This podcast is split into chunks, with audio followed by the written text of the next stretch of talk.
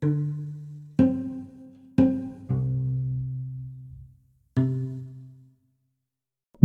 ឆ្នាំទំនាក់ទំនងកម្ពុជាចិនបុរេប្រវត្តិរាជព្រះស្ដេចកនការផ្សាយរបស់វិទ្យាស្ថានខុងជឺនៃរាជបណ្ឌិតសភាកម្ពុជារាជធានីភ្នំពេញឆ្នាំ2012បោះពុំលើកទី1មេតិកាសេចក្តីថ្លែងអំណរគុណអារម្មណ៍កថាសេចក្តីផ្ដាំចំពុកទី1 សម័យបូរេប្រវត្តិសាស្ត្រយុគថ្មរំលើងតបាល់បុក គ្រឿងអលង្ការធ្វើអំពីថ្មយុគរហាត់ទឹកយុគលោហៈគោមហាទឹកសម្រិទ្ធសិប្បកម្មមាសចំពុក2សម័យហ្វូណនរាជព្រះស្ដេចកនវប្បធម៌ក្រមាពុទ្ធបដិមា កង់រទេះគោកុលាលភាជតន្ត្រី លបែងឆ្ពិនភ្នែកចាក់សัตว์ទាំង12កំជ្រួចនិងផាវសូត្រចិន ការយល់ច្រឡំរបស់ជនជាតិចិននយោបាយកិច្ចគ្រប់គ្រងនយោបាយចិនតែមួយកិច្ចការពារជនជាតិចិន ការរៀបរៀងរបស់អាណាមនិងចម្ប៉ាទំនាក់ទំនងវិស័យយោធាសេដ្ឋកិច្ច ពាណិជ្ជកម្មដៃគូអភិវឌ្ឍ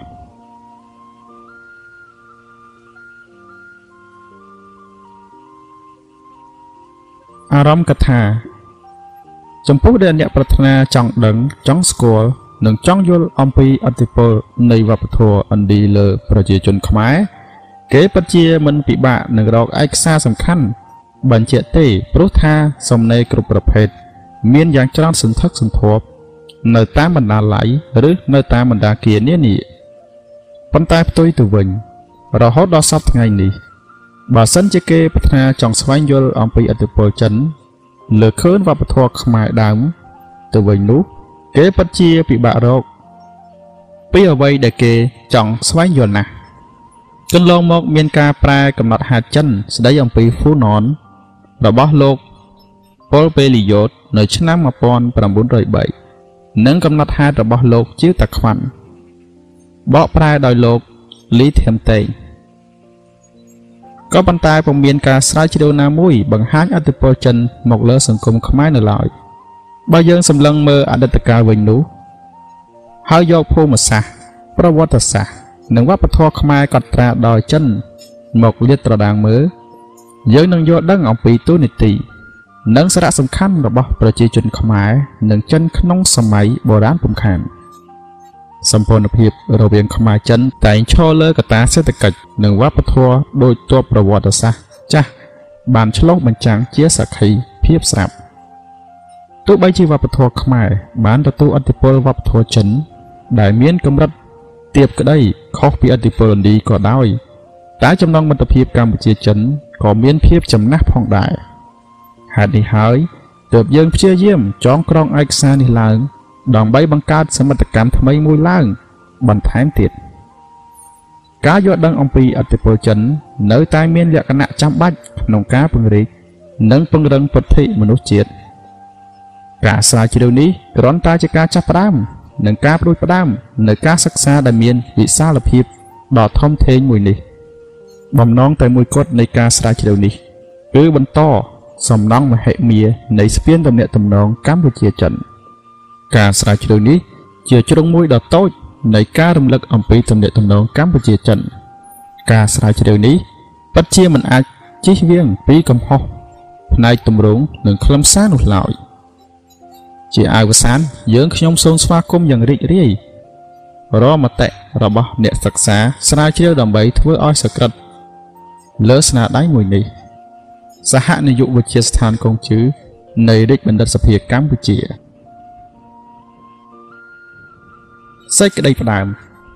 កម្ពុជានិងចិនបានផ្សារភ្ជាប់ទំនាក់ទំនងរវាងគ្នានឹងគ្នាជាយូរណាស់មកហើយកំណត់ត្រារបស់លោកកាំងថៃរាជទូតចិន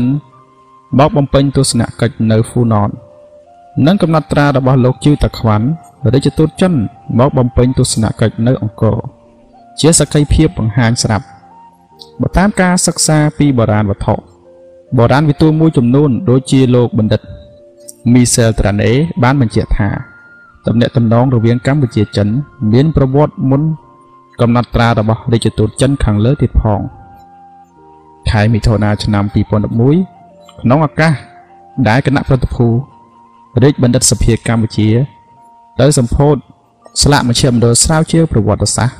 និងវប្បធម៌ខ្មែរនៅសាកលវិទ្យាល័យ ជីវជាង លោកជំទាវបណ្ឌិតសភាក្លូតធីតាប្រធានរាជបណ្ឌិតសភាកម្ពុជា បានធ្វើបទ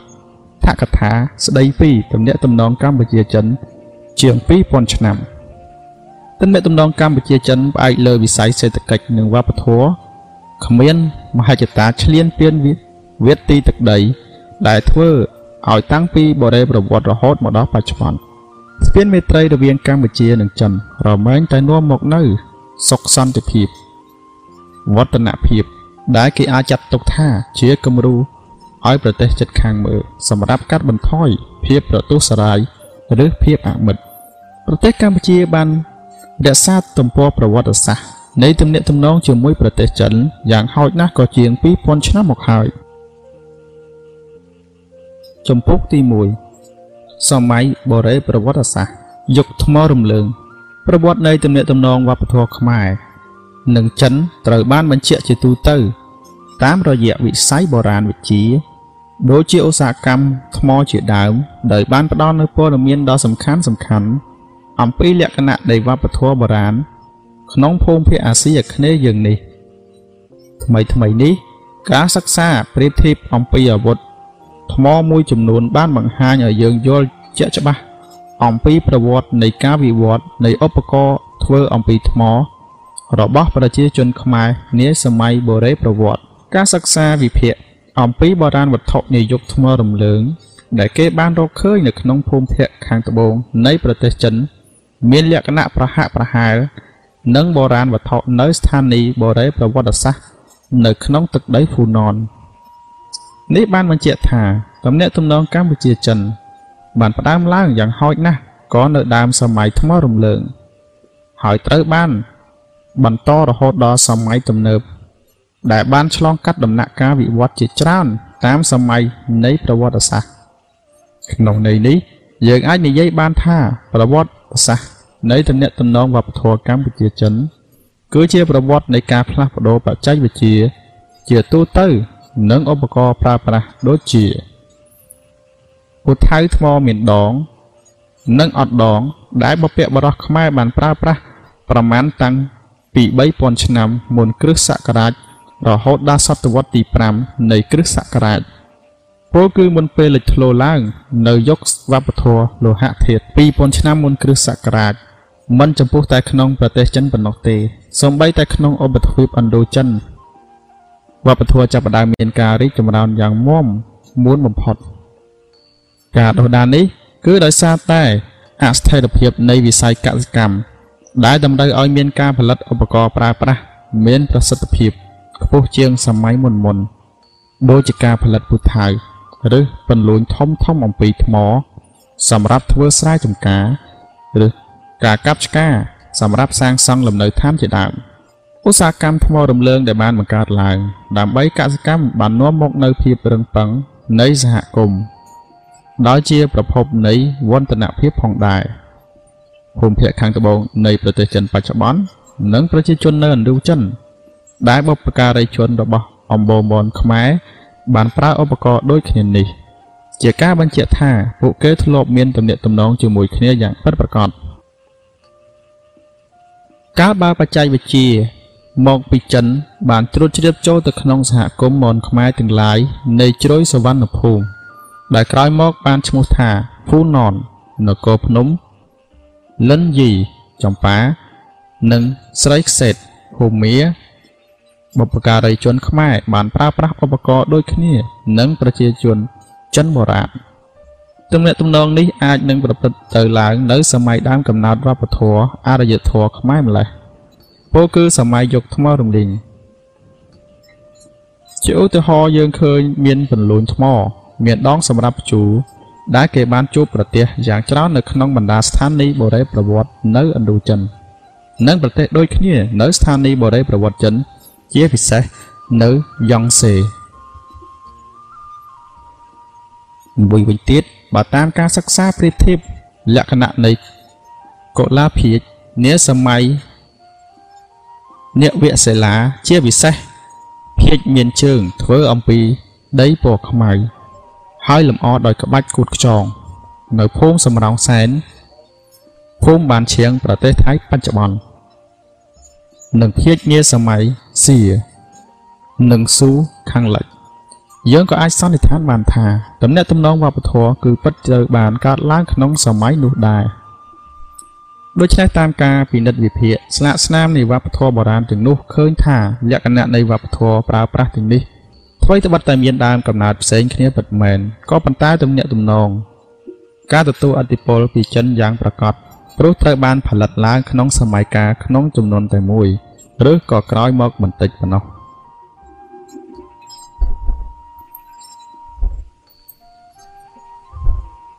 ត្បាល់បុកត្បាល់បុកគឺជាឧបករណ៍ដែលជនជាតិខ្មែរបានផលិត ហើយប្រើប្រាស់តាមស្រុកភូមិ ខ្មែរតាំងពីបុរាណកាលរហូតមកដល់សព្វថ្ងៃជាការពិតណាស់ដែលឧបករណ៍នេះ គឺជាស្នាដៃដ៏ប្រពៃនិងប៉ិនប្រសប់របស់បុព្វការីជនខ្មែរដែលប្រកបដោយគំនិតច្នៃប្រឌិតយ៉ាងខ្ពស់ការនិយមឧបករណ៍នេះនៅតាមជនបទនៃប្រទេសកម្ពុជាបង្ហាញអំពី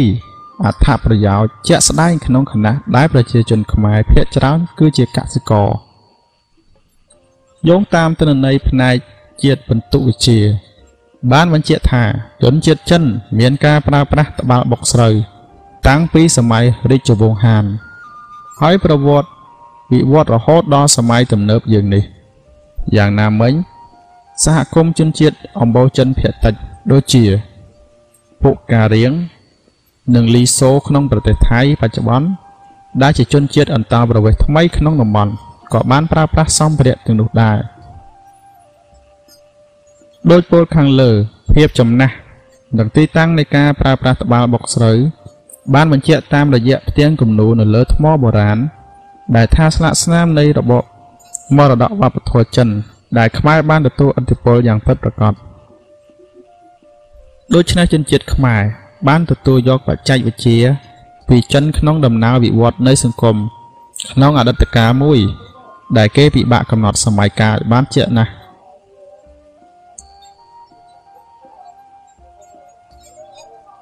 ចំណុចដែលគួរឲ្យចាប់អារម្មណ៍មួយទៀតគឺតាមការសិក្សានៅតាមភូមិស្រុកខ្មែរបានបញ្ជាក់ឲ្យឃើញថាឧបករណ៍ខាងលើនេះរបស់ខ្មែរមានលក្ខណៈសម្បត្តិមិនខុសគ្នានឹងឧបករណ៍នៅចិនឡើយរហូតមកដល់សប្តាហ៍ថ្ងៃការប្រើប្រាស់ឧបករណ៍ទាំងនោះត្រូវបានបន្តដោយអ្នកស្រុកស្រែចំការខ្មែរនៅកម្ពុជាសហគមន៍ខ្មែរនៅប្រទេសវៀតណាមខាងត្បូង និងនៅខ្ពង់រាបនគររាជបច្ចុប្បន្ន ភូមិភាគខាងត្បូងនៃប្រទេសចិនធ្លាប់មានទំនាក់ទំនងវប្បធម៌ជាមួយប្រជាជនខ្មែរនាសម័យបុរាណគឺជាទីតាំងដែលបានបង្កើតឧបករណ៍ត្បាល់បុក ជាលើកដំបូងបង្អស់ដូច្នេះហើយប្រភពនិងសារៈសំខាន់នៃត្បាល់បុក នៃប្រទេសខ្មែរត្រូវផ្សារភ្ជាប់ជាមួយវប្បធម៌ចិននេះជាអ្វីមួយដែលត្រូវបានយើងវាយតម្លៃយ៉ាងខ្ពស់ដើម្បីស្វែងយល់អំពីទំនាក់ទំនងវប្បធម៌យ៉ាងជាក់លាក់ រវាងកម្ពុជានិងចិន ក្នុងអតីតកាលដ៏យូរលង់មួយតំណងជាត្រូវបានអនុវត្តឡើងតាំងពីសម័យបូរេប្រវត្តិសាស្ត្រមកម្ល៉េះខុសពីត្បាល់បុកធ្វើអំពីឫស្សីប្រទេសកម្ពុជាមានប្រភេទត្បាល់កិនមួយប្រភេទទៀតដែលធ្វើអំពីថ្ម ហើយសប្តាហ៍ថ្ងៃនេះភាគច្រើនត្រូវបានផលិតនៅខេត្តកំពតសម្រាប់កិនម្សៅត្បាល់បុកនិងត្បាល់កិននេះក៏មានប្រភព ចេញពីភូមិភាគខាងត្បូងនៃប្រទេសចិនដែរគេអាចកិនអង្ករឲ្យคล้ายជាម្សៅបាន ដោយសារចលនាបង្វិលផ្នែកខាងលើ ដោយបង្កាន់ដៃមួយធ្វើអំពីឈើរីឯផ្នែកខាងក្រោមនៅនឹងមួយកន្លែងត្បាល់កិននេះគ្មានកាច់ចង្កូតអ្វីទាំងអស់គ្រាន់តែថ្មមានលក្ខណៈរលោងដោយសារការរំលែងតែប៉ុណ្ណោះ គ្រឿងអលង្ការធ្វើអំពីថ្មយុថ្មយុគឺជាប្រភេទថ្មម្យ៉ាងដែលមានលក្ខណៈពិសិដ្ឋសម្រាប់ប្រជាជនចិនក្នុងសម័យបុរាណកាលដ៏យូរលង់ការនិយមថ្មនេះដោយជនជាតិចិន គឺបានចាត់ទុកថាវាជាតំណាងភាពត្រជាក់ត្រជុំសបោសបាយគ្រប់ប្រការចរនិយមថ្មនេះដោយជនជាតិចិន គឺបានចាត់ទុកថាវាជាតំណាងភាពត្រជាក់ត្រជុំ សបោសបាយគ្រប់ប្រការលើសពីនេះ វាជានិមិត្តរូបនៃភាពអមតៈនៃជីវិត ដោយសារមូលហេតុចម្បងនេះហើយទើបនាសម័យបារាណគេយកថ្មនេះមកឆ្លាក់ធ្វើជាគ្រឿងអលង្ការកងដៃកងជើង ក្រវិលត្រចៀករូបសត្វឬក៏វត្ថុមានតម្លៃផ្សេងផ្សេងមួយចំនួនទៀតហើយដែលគេបានជួបប្រទះក្នុងភ្នោសពរបស់ពួកអភិជន ឬព្រះមហាក្សត្រ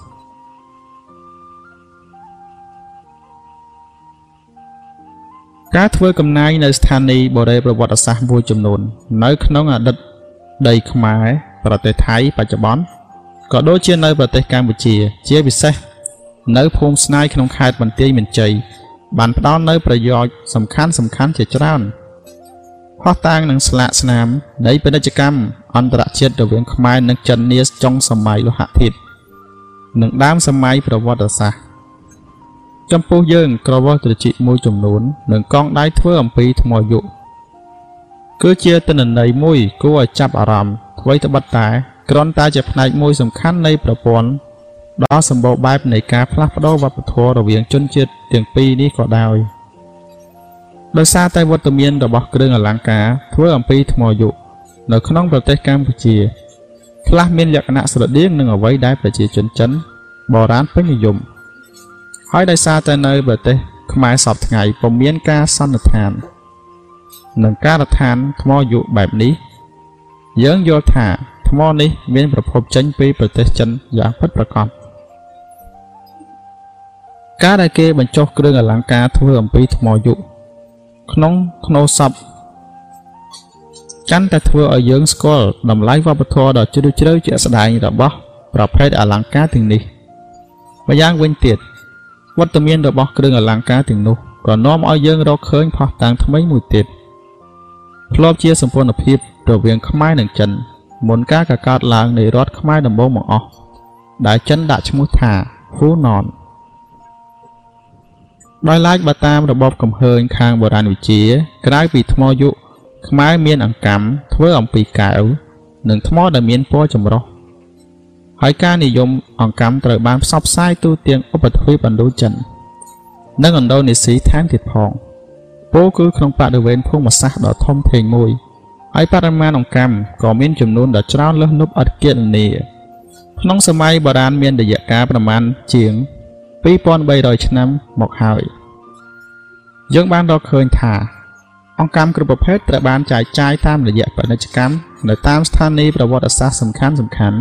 ន់នៅក្នុងជួងសមុទ្រសៀមសប្តាហ៍ថ្ងៃក៏ដូចជានៅក្នុងតំបន់ដងទន្លេចៅប្រយ៉ាជាពិសេសនៅក្រុងអ៊ូថងក្នុងខេត្តសូផាន់បុរីសប្តាហ៍ថ្ងៃព្រមទាំងនៅអង្គរបុរីជាដើម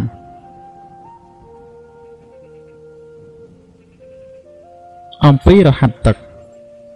តាំងពីសម័យបុរាណកាលមកឧបករណ៍មួយចំនួនត្រូវបានគេជួបប្រទះក្នុងជីវភាពប្រចាំថ្ងៃដូចជារទេះគោរទេះសេះ និងរហាត់ទឹកសម្រាប់វិស័យកសិកម្មជាដើមនៅតាមផ្លូវទៅកាន់ប្រាសាទអ្នកដំណើរបានជួបនឹងរហាត់ទឹកដ៏ធំមួយហើយរូបភាពនេះយើងឃើញមាននៅប្រទេសចិនខាងត្បូងនិងនៅវៀតណាមខាងជើងសប្តាហ៍ថ្ងៃនេះជុំវិញវត្តមានរបស់រហាត់ទឹកនេះអ្នកនិពន្ធខ្លះបានចាត់ទុកថា ជាស្នាដៃដ៏ប៉ិនប្រសប់របស់បុព្វការីជនខ្មែរនាសម័យបុរាណរហ័សទឹកនៅខេត្តសៀមរាបអង្គរធ្វើឡើងសម្រាប់បម្រើវិស័យទេសចរ ច្រើនជាងបម្រើវិស័យកសិកម្មជាការពិតណាស់ឧបករណ៍ខាងលើនេះមានអត្ថប្រយោជន៍សម្រាប់ការបង្ហូរទឹកចូលក្នុងស្រែដែលជនជាតិចិនបានបង្កើតឡើងប្រកបដោយទេពកោសល្យនិងការច្នៃប្រឌិតខ្ពស់ប៉ុន្តែចំពោះប្រទេសកម្ពុជាវិញពុំមានការស្រាវជ្រាវណាមួយបញ្ជាក់អំពីការនិយមរហ័សទឹកដោយបុព្វការីជនខ្មែរនៅឡើយជាពិសេសនៅក្នុងសម័យកសិកម្មទោះបីជាមានឯកសារមួយចំនួនបានអះអាងថា រហ័សទឹកនៅខេត្តសៀមរាប មានលំនាំដោយរហ័សទឹកនៅភូមិភាគខាងត្បូងនៃប្រទេសចិនយ៉ាងណាក៏ដោយក៏យើងមិនអាចបញ្ជាក់ថាដូនតាខ្មែរពិតជាបានខ្ចីឧបករណ៍សំខាន់នេះពីជនជាតិចិនឡើយមូលហេតុដែលបណ្ដាលឲ្យយើងសន្និដ្ឋានដូច្នេះគឺមកពីបព្វបរោះខ្មែរចេះបាចទឹកបញ្ចូលស្រាតាំងពីបូរេប្រវត្តិមកម្លេះខាងលើនេះមានន័យថាជនជាតិខ្មែរចេះផលិតរហ័សទឹក ដែលធ្វើអំពីឫស្សី ក៏ប៉ុន្តែមិនបានបង្កើតវានោះទេជនជាតិចិនបានបង្កើតរហ័សទឹកតាំងពីសតវត្សទី3មុនគ្រិស្តសករាជយើងមិនត្រូវចាត់ទុកថាកម្ចីបច្ចេកទេសខាងលើនេះគឺជារឿងចម្លែកនោះទេនេះជាចំណេះដឹងថ្មីមួយដែលពាក់ព័ន្ធទៅនឹងសម្ព័ន្ធភាពរវាងប្រជាជនចិននិងប្រជាជនខ្មែរដែលមានអាយុកាលច្រើនសតវត្សមកហើយតាក់ទងទៅនឹងរហ័សទឹកនេះតាមរយៈឯកសារជាច្រើនបានឲ្យដឹងថា ជនជាតិចិន បាននិយមឧបករណ៍នេះតាំងពីសម័យហានមកម្លេះពោលគឺរវាងសតវត្សទី3មុនគ្រិស្តសករាជនិងទី2ក្រោយសកគ្រិស្តសករាជដើម្បីចាយចាយទឹករបស់ខ្លួន ជារួមមកយោងតាមរបបកំហើញខាងបុរាណវិទ្យាយើងបានដឹងថាតំណែងតំណងវប្បធម៌រវាងខ្មែរនិងចិន បានផ្ដើមតាំងពីសម័យបុរេប្រវត្តិសាស្ត្រឆ្លងតាមការសិក្សាប្រៀបធៀបទៅលើវិស័យបុរាណវិទ្យានិងអរិយធម៌ យើងអាចសន្និដ្ឋានថាមានទំនាក់ទំនងផ្នែកពាណិជ្ជកម្មរវាងប្រជាជនខ្មែរនិងចិនដែរអំពីយុគលហៈស្គរមហោថឹកសម្រិតស្គរមហោថឹកសម្រិតសម្រិតគឺខ្មែរបុរាណបានយកធាតុផ្សំមានសំណលាយជាមួយស្ពាន់ជាឫស្សីកែវឬដួងប្រលឹងវប្បធម៌អរិយធម៌ជាតិសាសន៍ខ្មែរបុរាណដ៏យូរលង់ កាលពីថ្ងៃ31ខែមករាឆ្នាំ2008ដល់ថ្ងៃទី8ខែកុម្ភៈឆ្នាំ2008ក្រសួងវប្បធម៌និងវិចិត្រសិល្បៈបានធ្វើកំណាយបែបវិទ្យាសាស្ត្ររកឃើញកុលាភាជគ្រឿងអលង្ការធ្វើអំពីមាសនិងលោហៈធាតុដទៃទៀតរួមទាំងក្រវិលអង្កាំធ្វើអំពីថ្ម មានតម្លៃនិងខ្នាអំបោះធ្វើអំពីដីដុតជាច្រើនមុខផ្សេងផ្សេងក្នុងភ្នោបុរាណមួយនៅក្នុងស្ថានីយ៍ ភូមិប្រហាឃុំជ្រៃស្រុកព្រៃវែងខេត្តព្រៃវែងអាយុកាលរបស់ស្គរនេះមានទំហំមុខ40សង់ទីម៉ែត្រនិងកម្ពស់35សង់ទីម៉ែត្រដែលត្រូវបានគេសន្និដ្ឋានថាប្រហែលស្ថិតនៅក្នុងចន្លោះសតវត្សទី1ដល់សតវត្សទី4មុនគ្រិស្តសករាជស្គរមហោថឹកគឺជាការបង្ហាញអំពីទំនាក់ទំនងផ្នែកវប្បធម៌រវាងខ្មែរនិងចិននាសម័យបុរាណប្រវត្តិ គួរបញ្ជាក់ផងដែរថាប្រជាជនកម្ពុជាធ្លាប់បានរកឃើញស្គរមហាថឹកធ្វើអំពីសម្រិតនេះឬបំណែកបែបនេះគឺច្រើនកន្លែងផ្សេងគ្នា ដូចជានៅមេមត់ខេត្តកំពង់ចាមខេត្តកំពង់ស្ពឺបន្ទាយមានជ័យកម្ពុជាក្រោមប្រទេសថៃឡាវឥណ្ឌូឥណ្ឌូនេស៊ីភូមា និងម៉ាឡេស៊ីវត្តមានរបស់ស្គរនេះ និងភូមិប្រហាប្រហែលជាមិនត្រូវបានផលិតនៅនឹងកន្លែងផ្ទាល់តែម្ដងទេ ដោយសារអវត្តមានរបស់ពុំក៏ប៉ុន្តែមានប្រភពពីប្រទេសចិនដែលជាទីកំណើតនៃប្រពៃណីផលិតនិងប្រើប្រាស់ស្គរនេះក្នុងពិធីសាសនាបើតាមមន្លោកបណ្ឌិតមីសាត្រាណេបានបញ្ជាក់ថានៅក្នុងសារមន្ទីរជាតិភ្នំពេញសប្តាហ៍ថ្ងៃនេះ មានស្គរមហាព្រឹកចំនួន3 និងនៅមជ្ឈមណ្ឌលបុរាណវិជាមេមត់ខេត្តកំពង់ចាម មានគេរើសបានបំណាយស្គរមហាថឹកនេះមួយដុំស្គរមហាថឹកដែលគេយកមកដាក់តាំងនៅក្នុងសារមន្ទីរជាតិនោះ គឺពុំមានលក្ខណៈបញ្ជាក់អំពីទីតាំងច្បាស់លាស់ដូចនៅភូមិប្រហាទេ តែមានហេតុផលមួយចំនួនបង្ហាញថាគេបានមកពីខេត្តស្ទឹងត្រែងនៅលើស្ថានីយ៍បូរីប្រវត្តិសាស្ត្រនេះ ប្រជាជន ជីកបានស្គរមហោថឹកចំនួនប្រហែលជាងរបស់កំហើញថ្មី ដែលយើងសូមបញ្ជាក់នៅទីនេះ គឺស្គរនេះក៏ពាក់ព័ន្ធទៅនឹងការបូជាសពរបស់ស្គរមហាថឹកត្រូវបានប្រើប្រាស់ដាក់ឆ្អឹងមនុស្សដែលបានស្លាប់ទៅនិងដាក់របស់របរសម្រាប់ប្រើប្រាស់នៅបរលោកទៅវិញស្គរនេះត្រូវបានគេចាត់ទុកជាកោតបន្ថែមពីសភាពធម្មតាដែលត្រូវបានគេប្រើក្នុងពិធីសុំទឹកភ្លៀង តាមរយៈវត្តមាននៃស្គរមហាថឹកយើងអាចសន្និដ្ឋានបានថាវត្តមានតម្លៃនិងរបស់គ្រឿងអលង្ការផ្សេងផ្សេងធ្វើអំពីមាសដែកស្ពាន់និងសម្រិតបញ្ជាក់ថាខ្មែរនាចំនួននោះ មានភាពរុងរឿងថ្កុំថ្កើងរីកចម្រើនខាងឧស្សាហកម្មលោហៈធាតុទៅហើយ ជាពិសេសការផលិត របស់ធ្វើអំពីមាសនិងសម្រិតផ្លែត្រល់បញ្ជាក់ថាស្ត្រីខ្មែរមានជំនាញដេប៉ាវត្ថុមានឆ្អឹងលលា និងថ្មិញបញ្ជាក់ថានោះជាប្រពៃណីកប់សពលើកទី2ព្រោះដំណាក់កាលទី1គេបញ្ចុះសពក្នុងដីភ្នោរួចហើយគេរើសយកឆ្អឹងឬបំណែកសម្រាប់មកបញ្ចុះក្នុងស្ករកប់ម្ដងទៀតប្រពៃណីបែបនេះគឺជនជាតិខ្មែរនៅភូមិភាគឦសានបាននឹងកំពុងពេញនិយមវត្តមានរបស់ព្រះអាទិត្យរះនៅលើថាសនៃស្គរបញ្ជាក់អំពីលក្ខណៈពិសិដ្ឋរបស់ស្គរ ដែលអាចជួយឲ្យអ្នកស្លាប់អាចនឹងកកើតម្ដងទៀតដោយព្រះអាទិត្យដែលបានរះនៅថ្ងៃស្អែកបន្ទាប់ពីបានលិចនៅថ្ងៃនេះ យើងត្រូវទទួលស្គាល់ថាក៏ទាំងនោះគឺជាផុសតាងប្រវត្តិសាស្ត្រមួយយ៉ាងសំខាន់បង្ហាញបញ្ជាក់ប្រភពចិននៃស្គរទាំងនោះ ដែលគេបានរកឃើញក្នុងភូមិភាគនេះក៏ប៉ុន្តែលើសពីនេះទៅទៀត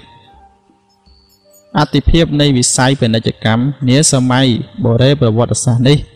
ជាការរកឃើញថ្មីបំផុតរបស់យើងតាមការវិភាគសិក្សាស្រាវជ្រាវដ៏ហ្មត់ចត់គោររំលឹកដែរថានៅប្រទេសចិនបច្ចុប្បន្នគេបានជួបប្រទះស្គរមហាថឹកសម្រាប់ធំជាងគេបំផុត ដែលមានអាយុកាលប្រមាណជាង700ឆ្នាំមុនគ្រិស្តសករាជការប្រើប្រាស់ស្គរមហាថឹកសម្រិតក្នុងបរិបទខ្មែរដោយពលខាងលើជនជាតិខ្មែរមានការប្រស័យតាក់ទងជាមួយជនជាតិចិនបានទទួលឥទ្ធិពលវប្បធម៌អំពីចិន សម័យបូរេប្រវត្តិសាស្ត្រមកម្លេះដោយបានចាត់ទុកថាសត្វកង្កែបជានិមិត្តរូបនៃទឹកភ្លៀងព្រោះពេលភ្លៀងធ្លាក់ម្ដងម្ដងសត្វកង្កែបក៏ដូចជាសត្វហេងគីងគក់បាននាំគ្នាស្រែកយំកងរំពងត្រហឹងហាក់បីដូចជាសម្ដែងសេចក្តីសប្បាយឬក៏អង្វរកសុំទឹកភ្លៀងឲ្យឆាប់ធ្លាក់មកប្រវត្តិវិទូជាច្រើនបានស្រាវជ្រាវឃើញថាការប្រើស្គរមហាទឹកសម្រិតហើយទឹកភ្លៀង កើតមានឡើងតាំងពីសម័យវប្បធម៌លោហៈធាតុដែលមានអាយុកាលរាប់ពាន់ឆ្នាំមុនគ្រិស្តសករាជក្នុងន័យនេះមនុស្សចាស់បុរាណបានឲ្យឈ្មោះថាស្គរមហាទឹកធ្វើអំពីសម្រិតទាំងនោះថាស្គរហើយទឹកភ្លៀង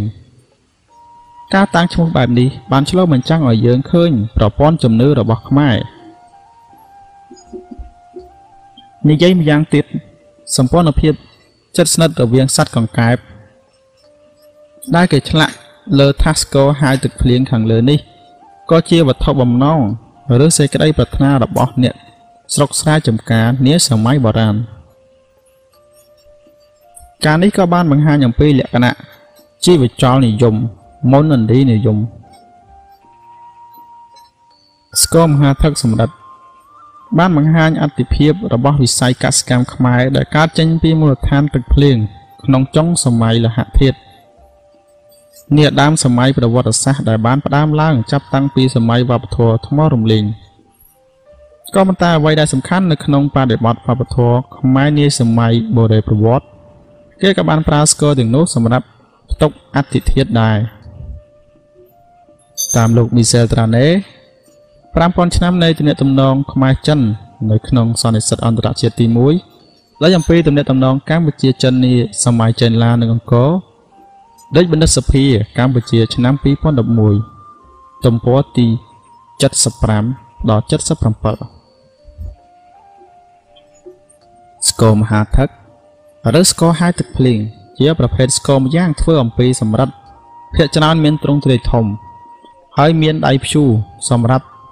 ទូងក្នុងពិធីបុណ្យសាសនាផ្សេងផ្សេងជាពិសេស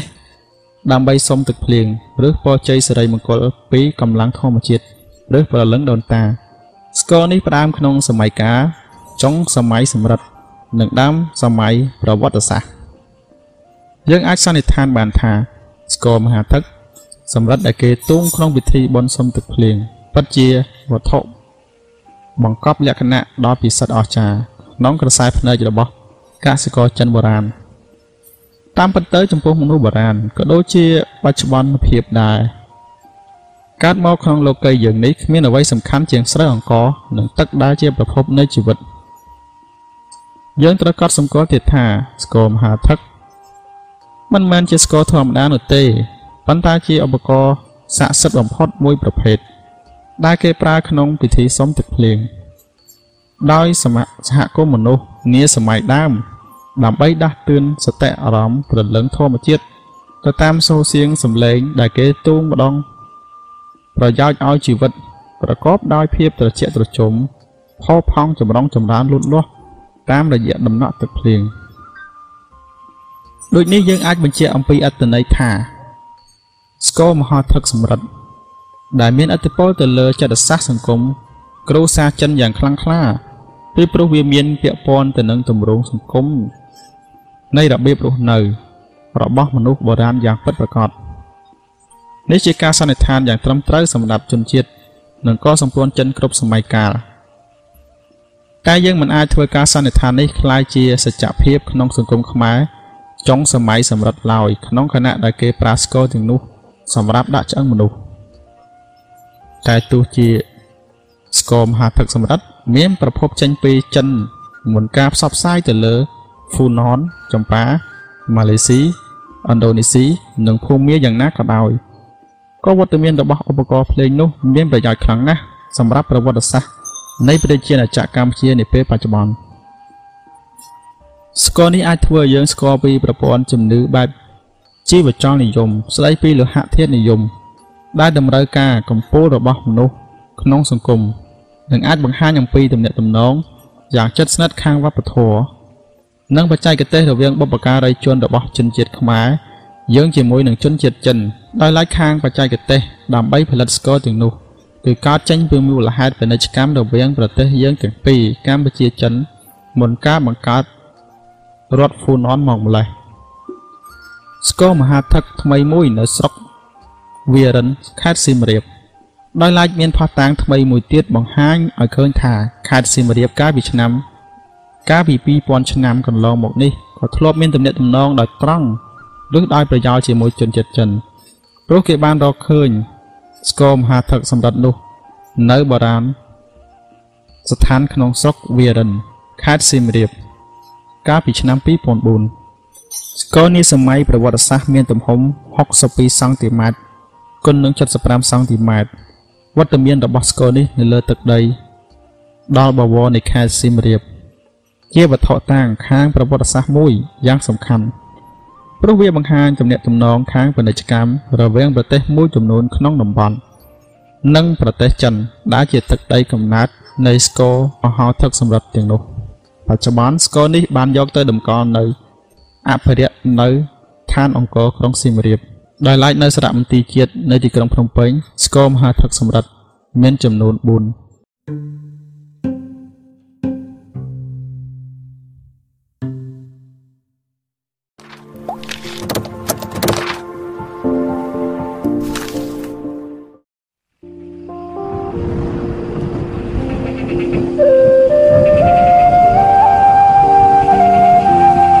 សិប្បកម្មមាសបើនិយាយពីការវិវត្តផ្នែកវប្បធម៌ក្នុងយុគលោហៈក្នុងចំណោមសមិទ្ធផលសង្គមគួរឲ្យចាប់អារម្មណ៍ជាងគេ គឺការផលិតគ្រឿងអលង្ការធ្វើអំពីមាសសម្រិតនិងប្រាក់និងជាអ្វីមួយដែលការបវត្តចិនបានគូសបញ្ជាក់នៅដើមសតវត្សទី1នៃគ្រិស្តសករាជយ៉ាងពិតប្រាកដយើងបានដឹងថានៅក្នុងភូមិព្រៃក្មេងភូមិស្នាយភូមិស្វាយជែកភូមិប្រហា ខេត្តព្រៃវែងគោកអូជូនិងនៅទួលយងកវោក្នុងទឹកដីកម្ពុជាក្រោមធ្វើឲ្យយើងចាប់ផ្ដើមមើលឃើញចំណុចវិជ្ជមានមួយចំនួន ដែលបានកើតឡើងមុនសម័យប្រវត្តិសាស្ត្រដែលជាកត្តាប្រាប់ឲ្យដឹងអំពីឫសកែវនៃសិប្បកម្មមាសដែលបានកើតឡើងក្នុងដំណាក់កាលដំបូងជនជាតិខ្មែរអាចនាំចូលបច្ចេកទេសផលិតពីចិនហើយក្រោយមកផលិតដោយខ្លួនឯងផ្ទាល់ការនេះដោយសារស្ថានភាពវប្បធម៌និងភូមិសាស្ត្រ តម្រូវឲ្យខ្មែរនិងចិនមានសព្វនភាពយ៉ាងជិតស្និទ្ធក្នុងតំបន់ហើយវាជារឿងធម្មតា តែទោះជាយ៉ាងណាក៏ដោយក៏គេត្រូវទទួលស្គាល់ថាជនជាតិខ្មែរសម័យនោះប្រកបដោយទេពកោសល្យខ្ពស់មិនមែនមិនទាន់ចេះប្រើលោហៈធាតុនោះទេសិប្បករខ្មែរមានគំនិតច្នៃប្រឌិតខ្ពស់ក្នុងការផលិតកងដៃក្រវិលត្រចៀកចិញ្ចៀននិងបន្តោងខ្សែកជាដើម បានរួមចំណែកធ្វើឲ្យប្រទេសកម្ពុជាក្លាយទៅជាមហាអំណាចមួយដ៏មានឥទ្ធិពលនៅក្នុងសម័យហ្វូណននៅអាស៊ីអាគ្នេយ៍ប៉ុន្តែទោះជាយ៉ាងណាក៏យើងត្រូវទទួលស្គាល់ថាផ្នែកមួយប្រពៃណីវប្បធម៌នៃជនជាតិចិន និងឥណ្ឌាបានរួមចំណែកដល់ខឿនប្រពៃណីវប្បធម៌ជនជាតិខ្មែរដែរគួរបញ្ជាក់ផងដែរថាអតិពលនៃវត្តមានស្គរមហាថឹកអាចជាសញ្ញាណវិជ្ជមាន បង្ហាញពីទំនាក់ទំនងរវាងខ្មែរនិងចិន រវាងសតវត្សទី3មុនគ្រិស្តសករាជក្នុងប្រទេសចិនជាពិសេសក្នុងសន្តិវង្សសៀប្រមាណជាង3000ឆ្នាំមុនគ្រិស្តសករាជបច្ចេកទេសស្លមាសត្រូវបានផ្ដើមឡើងមុនគេបង្អស់តាមការវិភាគរកការបរិច្ឆេទដោយប្រើបច្ចេកទេសវិទ្យុសកម្មកាបូន14ធ្វើឲ្យយើងដឹងថាសិប្បកម្មមាសក្នុងដែនដីកម្ពុជាត្រូវបានផ្ដើមឡើងរវាង250ឆ្នាំមុនគ្រិស្តសករាជរហូតដល់សតវត្សទី3និងទី4នៃគ្រិស្តសករាជដោយភាពស្រដៀងគ្នានេះក៏ត្រូវបានជួប ប្រទេសនៅប្រទេសអឺរ៉ុបមួយចំនួន ដែលមិនឥទ្ធិពលរបស់ពួករ៉ូម៉ាំងកត្តាចម្បងមួយទៀតដែលជាមូលដ្ឋានសម្រាប់ការវាយតម្លៃឲ្យបានត្រឹមត្រូវនៅសារៈសំខាន់នៃខឿនវប្បធម៌របស់អ្នកស្រុកខ្មែរយើង បានឲ្យដឹងទៀតថាភាពខុសគ្នារវាងគ្រឿងអលង្ការខ្មែរនិងចិនឬឥណ្ឌាតាមពិតទៅទោះបីមានអធិពលបច្ចេកទេសមកពីក្រៅក៏ដោយក៏ប៉ុន្តែក្បួនក្បាច់រចនានៃគ្រឿងអលង្ការបុរាណទាំងនោះមានលក្ខណៈខុសគ្នាដែលគួរឲ្យចាប់អារម្មណ៍ លក្ខណៈខុសគ្នា ការតុបតែងដ៏សម្បូរបែបនៃសិល្បៈដែលជាផ្នែកមួយសម្រាប់សម្គាល់ប្រវត្តិតំបន់និងជាតិសាសន៍អាចជាកត្តាសម្រាប់កំណត់ភាពមិនឯកភាពគ្នាបើយើងពិនិត្យពីវត្ថុសិល្បៈចិនឥណ្ឌានិងខ្មែរឬបើដាក់ផ្ទឹមគ្នាទោះបីបច្ចេកទេសផលិតមួយចំនួន បានទទួលឥទ្ធិពលពីចិន និងឥណ្ឌា ដែលមានវត្តមានក្នុងតំបន់នេះដល់យូរលង់យ៉ាងណាក៏ដោយក៏យើងឃើញថាមានអ្វីមួយដែលហាក់ដូចជាបង្ហាញយើងឲ្យដឹងថាសិប្បកម្មប្រពៃណីនៅស្នាយស្វាយជែកឬនៅប្រហាឬនៅតំបន់ផ្សេងផ្សេងមិនបានកើតចេញពីឫសគល់រួមតែមួយជាមួយចិននោះទេទាំងអស់ខាងលើនេះវាបានឆ្លុះបញ្ចាំងឲ្យឃើញអត្តសញ្ញាណនិងនិរន្តរភាពនៃមរតកវប្បធម៌ខ្មែរបុរាណ ដូចគ្នានឹងទស្សនៈស្ដីពីការផលិត ជនជាតិចិនឬនីគ្រឿងអលង្ការខ្មែរបុរាណទាំងនោះសំដែងអារម្មណ៍និងស្មារតីពោលគឺមនោសញ្ចេតនារបស់ប្រជាជាតិខ្មែរយ៉ាងណាមិញយើងក៏មិនត្រូវភ្លេចផងដែរថា នៅក្នុងដែនដីខ្មែរមានរ៉ែមាសជាវត្ថុធាតុដើមចាំបាច់បំផុត សម្រាប់ផលិតគ្រឿងអលង្ការលម្អសំខាន់សំខាន់ដល់មនុស្សទូទៅ គ្រឿងអលង្ការមួយចំនួនដូចជាក្រវិលត្រចៀកគេបានរកឃើញនៅស្ថានីយ៍ស្នាយ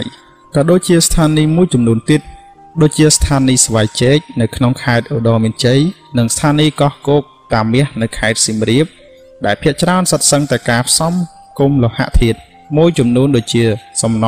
សំរិទ្ធប្រាក់ហើយស្រោបមាសពីខាងក្រៅរីឯគ្រឿងអលង្ការខ្លះទៀតមានលាយស្ពាន់ជាមួយផងដែរ យោងតាមទិន្នន័យនេះយើងអាចកត់សម្គាល់ថាមាសដែលជាវត្ថុធាតុមានសាច់ទន់ស្វិត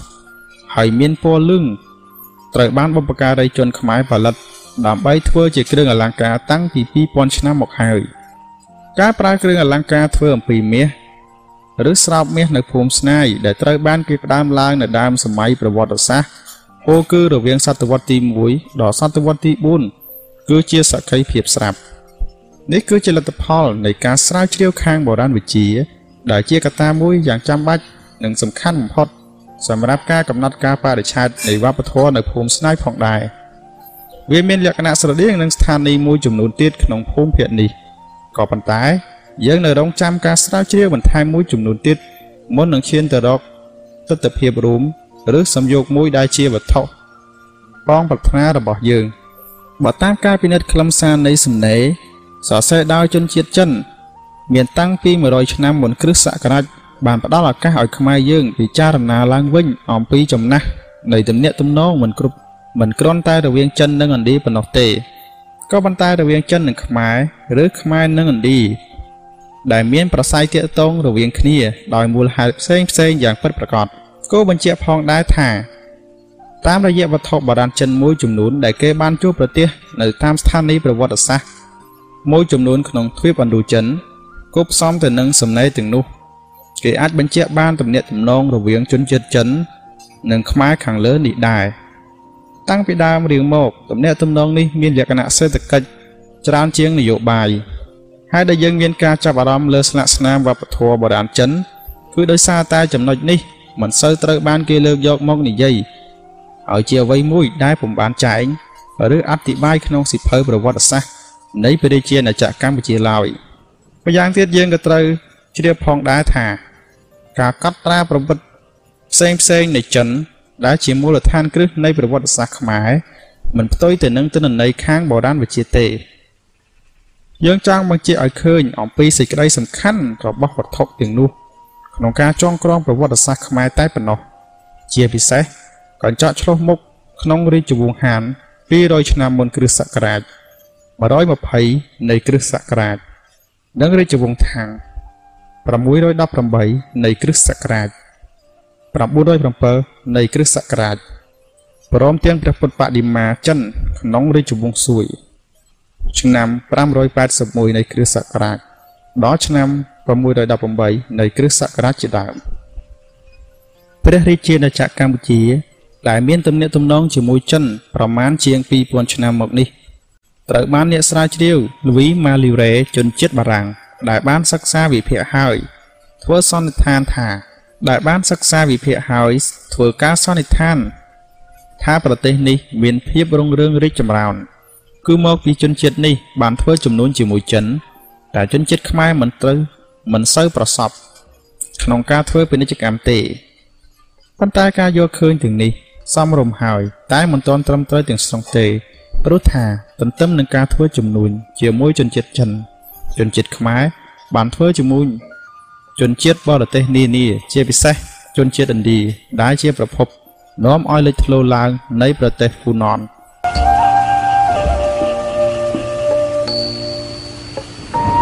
ជំពូកទី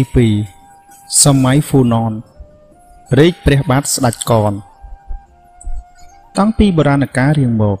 ជនជាតិចិនបានទទួលស្គាល់ឈ្មោះរបស់ប្រទេសកម្ពុជា តែ3ប៉ុណ្ណោះគឺទី1ហ្វូណនទី2ចេនឡា ទី3កម្ពុជាភាសាចិនទាវជីអាន ពាក្យកម្ពុជាឬជៀនភូចៃភាសាហានហ្វូណនគឺសំដៅសម័យដើមនៃប្រវត្តិសាស្ត្រខ្មែរ ចេនឡាគឺជាសម័យកាលបន្តពីហ្វូណនកម្ពុជាឬជៀនភូចៃជាសម័យក្រោយសតវត្សទី15ហេតុនេះទើបលោកជឿតាខ្វាន់មកកាន់កម្ពុជានាសម័យអង្គរក៏គាត់នៅ តែប្រើបញ្ញត្តិចេនឡាសម្គាល់ប្រទេសកម្ពុជានាសម័យនោះដែរពាក្យថាហ្វូណនគឺជាពាក្យដែលជនជាតិចិនកំណត់សម្គាល់រដ្ឋខ្មែរដំបូងមកអស់ ពាក្យហ្វូណននេះត្រូវបានកត់ត្រានៅក្នុងឯកសារចិនហើយរហូតដល់សប្តាហ៍ថ្ងៃនេះ កំណត់ត្រារបស់ចិនក្លាយជាឯកសារគោលឬឯកសារយោងសម្រាប់ពិពណ៌នាអំពីប្រទេសកម្ពុជានាដើមសតវត្សទី1ដែលខ្មែរបានប្រសិទ្ធនាមថានគរភ្នំ ការកំណត់យកពាក្យហ្វូណនត្រូវនឹងពាក្យនគរភ្នំ នេះកម្មតាមសមត្ថកម្មរបស់ George Sodes ដែលបានអះអាងថា ហ្វូណនត្រូវនឹងពាក្យខ្មែរបុរាណភ្នំសរសេរវជង្នដាក់ស្រអំដែលសពថ្ងៃคล้ายទៅជាពាក្យភ្នំបើតាមសមត្ថកម្មនេះយើងយល់ឃើញថា មានលក្ខណៈមិនសមស្របព្រោះពាក្យហ្វូណនជនជាតិចិនបច្ចុប្បន្នបានសរសេរភាសាចិនថាជួយឬគ្រាអ្នកដតីនិងទិសខាងត្បូងមានន័យថា ប្រទេសខ្មែរដែលនៅភាគខាងត្បូងរបស់ប្រទេសចិន ជាប្រទេសដែលជួយដល់ប្រទេសដទៃទៀតតើខ្មែរអាចជួយប្រទេសដទៃដោយរបៀបណា នេះក៏ជាកត្តាបង្កប់ន័យថា ប្រទេសខ្មែរជាប្រទេសអ្នកមានហេតុនេះបើតាមភាសាចិនគូសរសេរថាហ្វូណនជាពាក្យមានទ្រព្យនិងទិសខាងត្បូងដែលអាចមានន័យថាជាប្រទេស ឬជនជាតិដែលមានទ្រព្យសម្បត្តិ នៅភាគខាងត្បូងនៃប្រទេសចិនព្រោះហ្វូណនមានកំពង់ផែអូកៅដែលមានទីតាំងនៅក្នុងសមុទ្រចិន ខាងត្បូងដែលជាកំពង់ផែដ៏មានសក្តានុពលខ្លាំងបំផុត នៅអាស៊ីអាគ្នេយ៍នេះសម័យកាលនោះការកំណត់យកប្រទេសកម្ពុជា គឺជាប្រទេសអ្នកមានមួយនៅក្នុងភាគខាងត្បូងរបស់ប្រទេសចិននោះ គឺជាការសមស្របណាស់ព្រោះនៅសតវត្សទី2អ្នកភូមិសាស្ត្រក្រិចឈ្មោះ តូមេ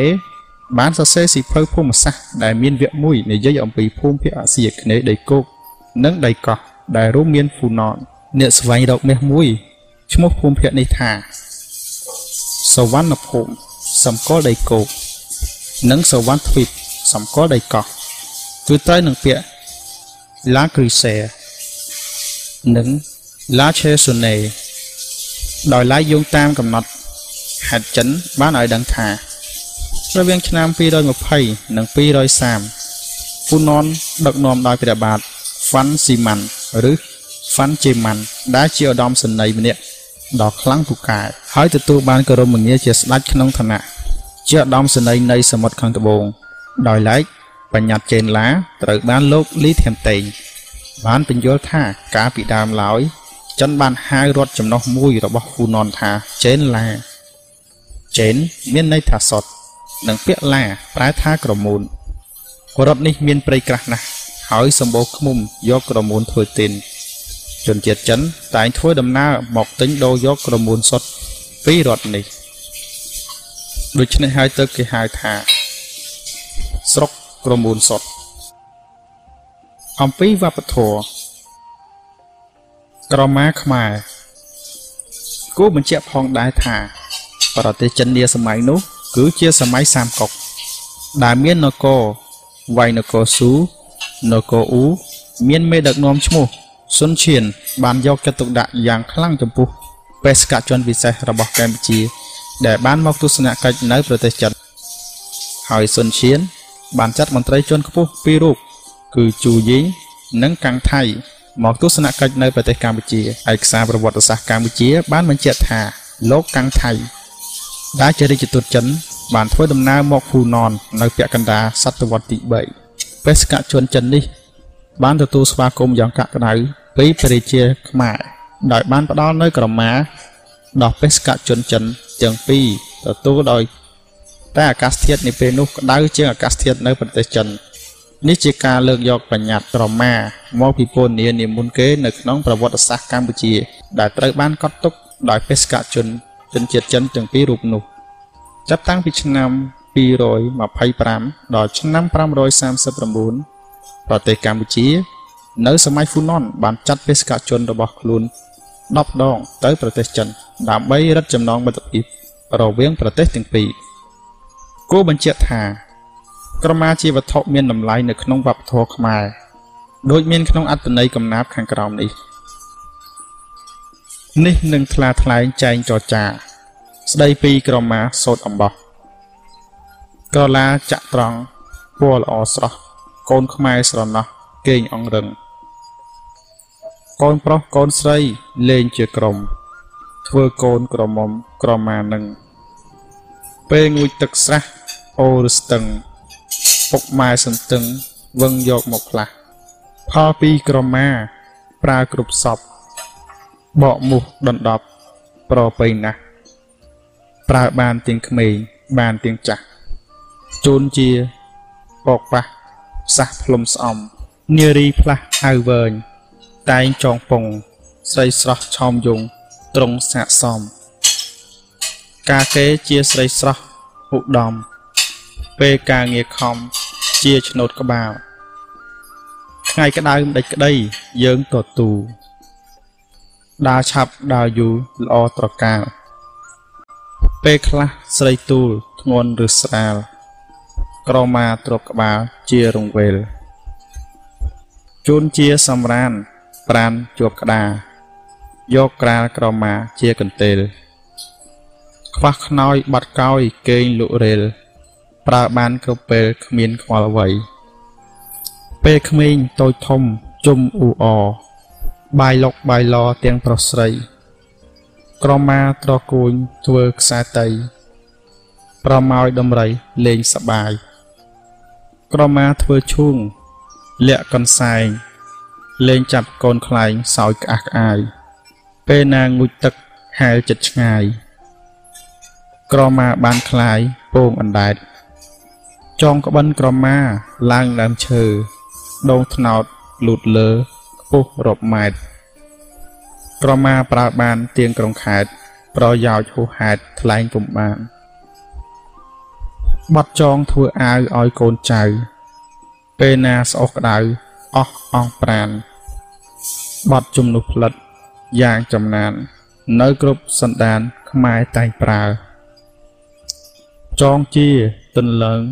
ឡើងដើមថ្នោតទៀបខ្ពស់ ម្ដេចសោតសឹងប្រសើរជិះវៀងគ្រោះថ្នាក់បានក្រនបាដល់ដីចុះដាយកបង្កទម្លាប់ខ្មែរយើងមកយូរយាចូលវត្តពានាស្រស់បវរទៀងក្រមាសោតអំបសកូនចៅប្រើតផៅសន្តាន ចង្កេះបរោះចងក្រមាងាយធ្វើកិច្ចការជុំវិញប្រាន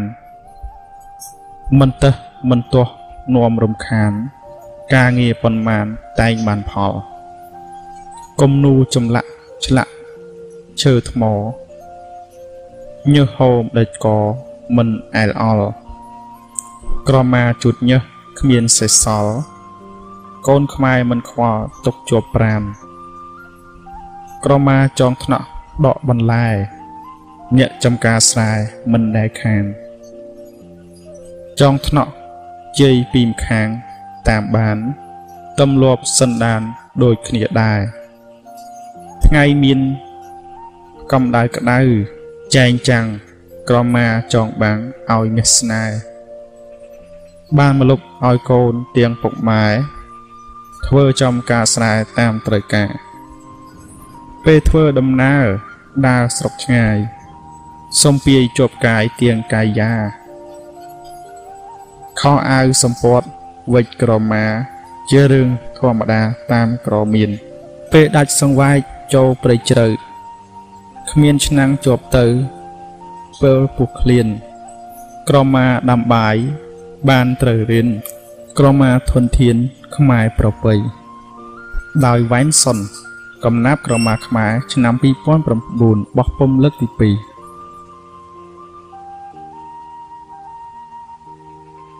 អំពីពុទ្ធបដិមា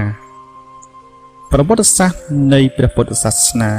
នៅក្នុងព្រះជាណាចក្រកម្ពុជា មានចំណាស់ស្មើនឹងប្រវត្តិសាស្ត្រខ្មែរ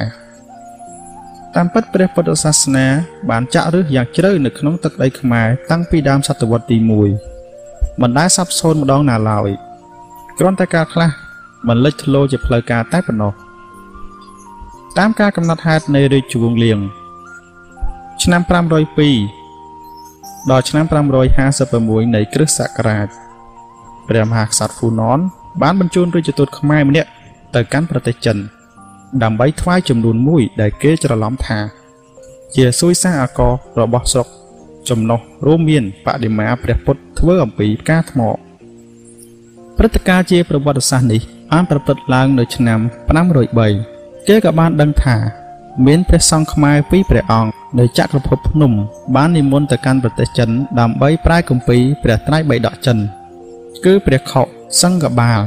និងមន្ត្រីសាសនាព្រះភិក្ខុសង្ឃទាំងពីរអង្គនេះ មានបេសកកម្មដ៏ឧត្តមឧត្តមគឺការប្រែគម្ពីរព្រះត្រៃបិដកពីភាសាសំស្ក្រឹតទៅជាភាសាចិន ព្រះភិក្ខុសង្ឃទាំងពីរអង្គនេះ មានបេសកកម្មដ៏ឧត្តមឧត្តមមួយ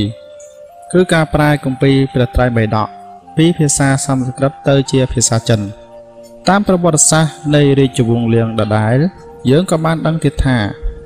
ព្រះបាទរុទ្រវីរមាននៃចក្រភពនគរភ្នំសុទ្ធសឹងតែកាន់កាប់ព្រះពុទ្ធសាសនាដូច្នេះហើយក្នុងរាជបំណងពង្រីកមេត្រីភាពរវាងជនជាតិខ្មែរនិងចិនដែលប្រកាន់លទ្ធិព្រះពុទ្ធសាសនាដូចគ្នាព្រះបាទរុទ្រវរមាន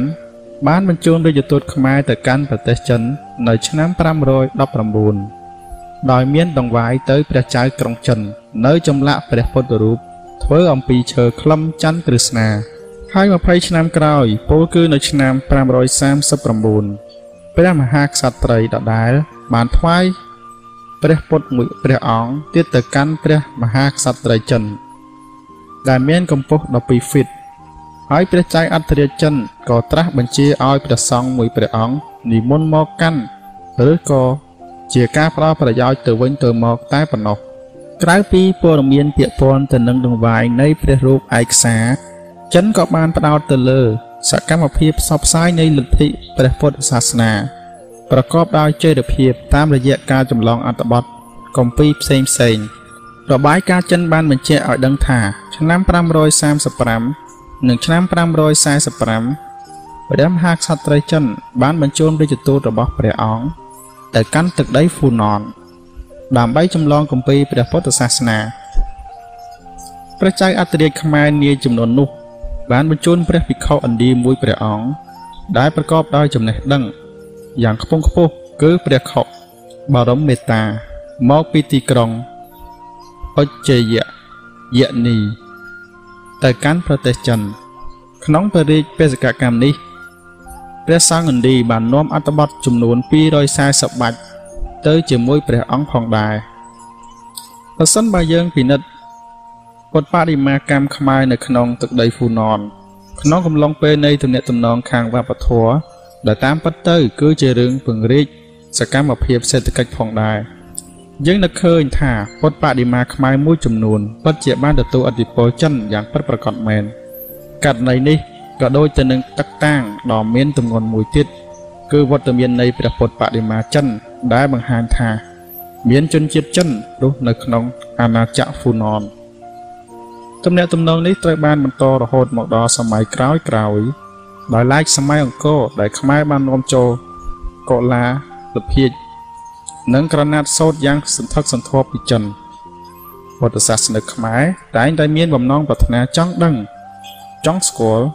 ប្រភពអត្តន័យស៊ីជម្រៅរបស់លទ្ធិព្រះពុទ្ធសាសនា ដែលជាសាសនារបស់រដ្ឋដូច្នេះហើយបានជាកន្លងមកក៏មានការស្រាវជ្រាវយ៉ាងជ្រៅជ្រះអំពីព្រះពុទ្ធវចនៈរបស់ព្រះសម្មាសម្ពុទ្ធពីអ្នកប្រាជ្ញខ្មែរនិងបរទេសធំធំ ដើម្បីពង្រីកការយល់ដឹងផ្នែកពុទ្ធសាសនាខ្មែរឲ្យកាន់តែស៊ីជម្រៅថែមមួយកម្រិតទៀតយើងសូមលើកយកចម្លាក់ព្រះពោធិសត្វមួយព្រះអង្គ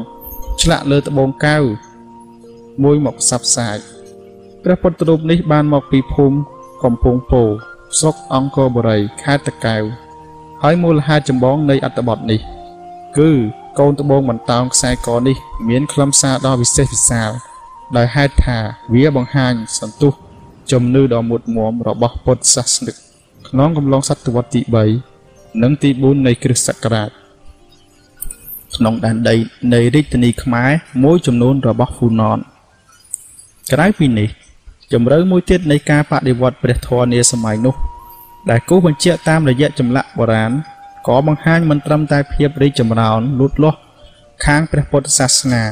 និកាយមហាយានតែប៉ុណ្ណោះទេក៏ប៉ុន្តែអត្ថភាពនៃទំនាក់ទំនងខាងវប្បធម៌រវាងខ្មែរនិងចិន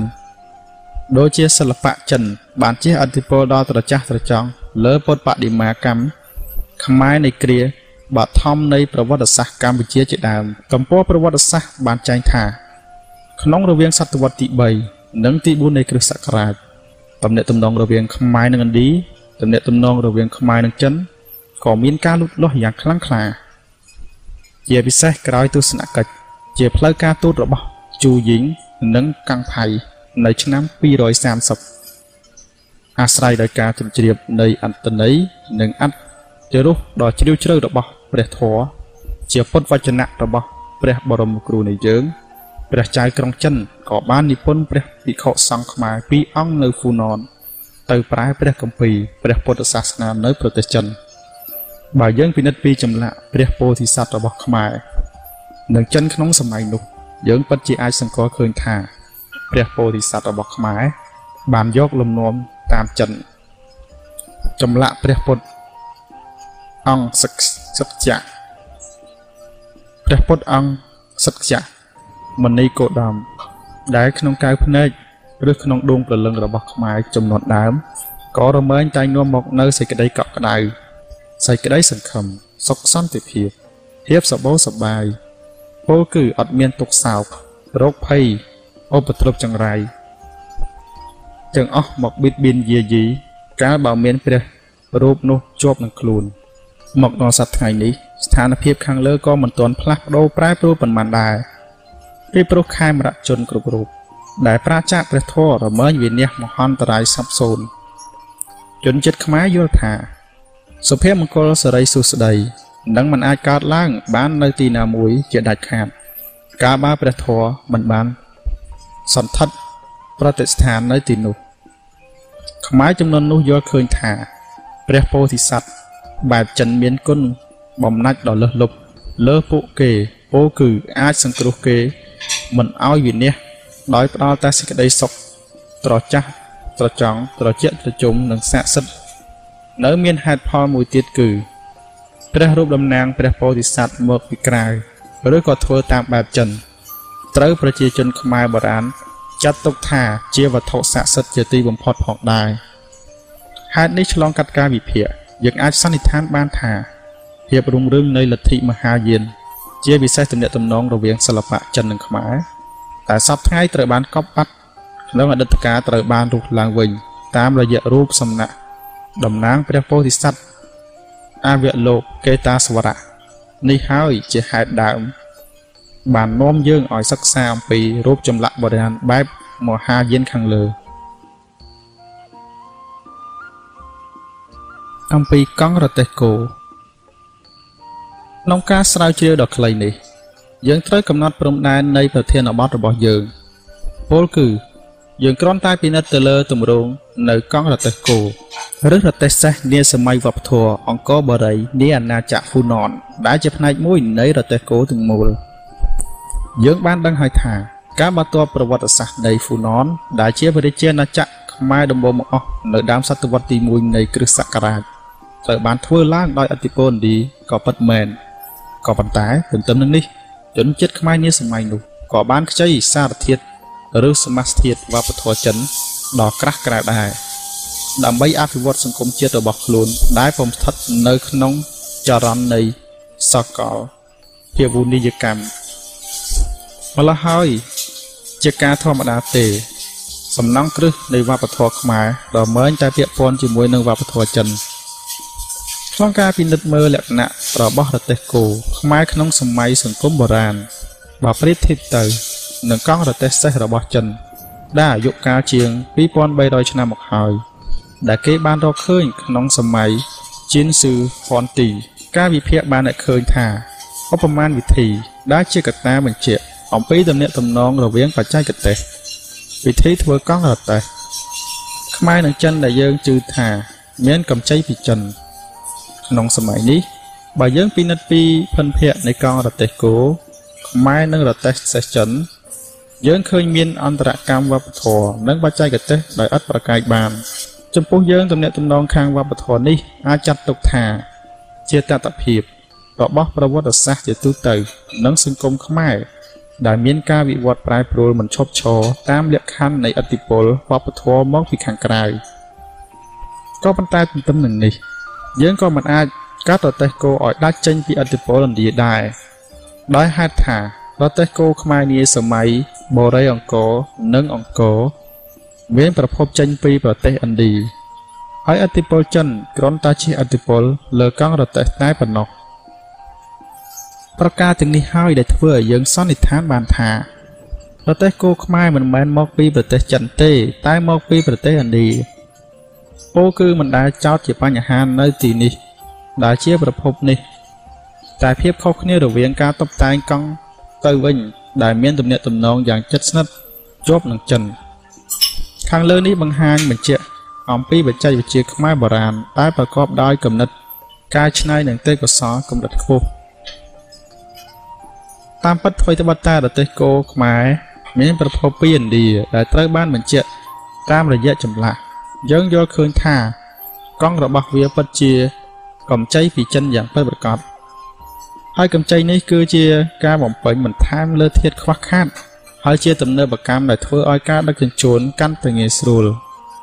កុំភ្លេចថារហូតដល់សប្តាហ៍នេះប្រទេសគោខ្មែរដែលត្រូវបាននិម្មិតឡើងដោយទំនាក់ទំនងវប្បធម៌ឥណ្ឌានិងចិននៅតែរក្សាតួនាទីយ៉ាងសំខាន់របស់ខ្លួនក្នុងសង្គមបច្ចុប្បន្ននៅឡើយ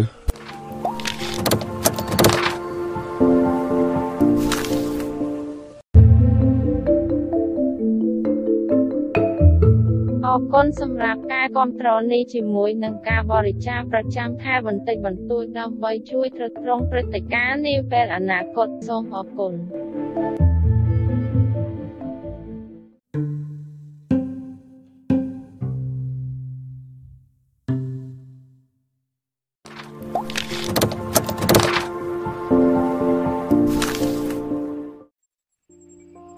អំពីកុលាលភាព ដោយហ្វូណនស្ថិតក្នុងចរន្តសាលូបនីយកម្មជនជាតិខ្មែរនៅក្នុងភូមិភាគខាងត្បូងនៃប្រទេសថៃបច្ចុប្បន្ននិងនៅក្នុងភូមិភាគដែនដីសណ្ដនៃទន្លេមេគង្គបានទទួលទំនិញពីចិនយ៉ាងក្រាលក្រែលរបស់របរដែលនាំចូលពីប្រទេសចិន មានសម្ពត់សូត្រនិងកុលាលភាជដែលមានចំនួនយ៉ាងច្រើនដែលជាទូទៅសពថ្ងៃនៅសល់តែបំណែកបាក់បែកតែប៉ុណ្ណោះ វត្តមានរបស់អ្នកប្រើប្រាស់ឬក៏គ្រឿងអលង្ការចិនទាំងឡាយដែលជនជាតិខ្មែរស្វះស្វែងរកឆ្លោះបញ្ចាំងឲ្យឃើញកម្រិតស៊ីវិល័យដ៏ខ្ពង់ខ្ពស់របស់អ្នកស្រុកហ្វូណនតំណែងល្អល្អរបស់អភិជនទាំងចិនទាំងឥណ្ឌារមែងអូសទាញសន្តានចិត្តរបស់ជនជាតិខ្មែរ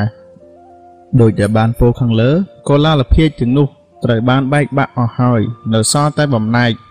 តែបានរួមចំណែកយ៉ាងសំខាន់ក្នុងការផ្តល់ព័ត៌មានទាក់ទងទៅនឹងទំនាក់ទំនង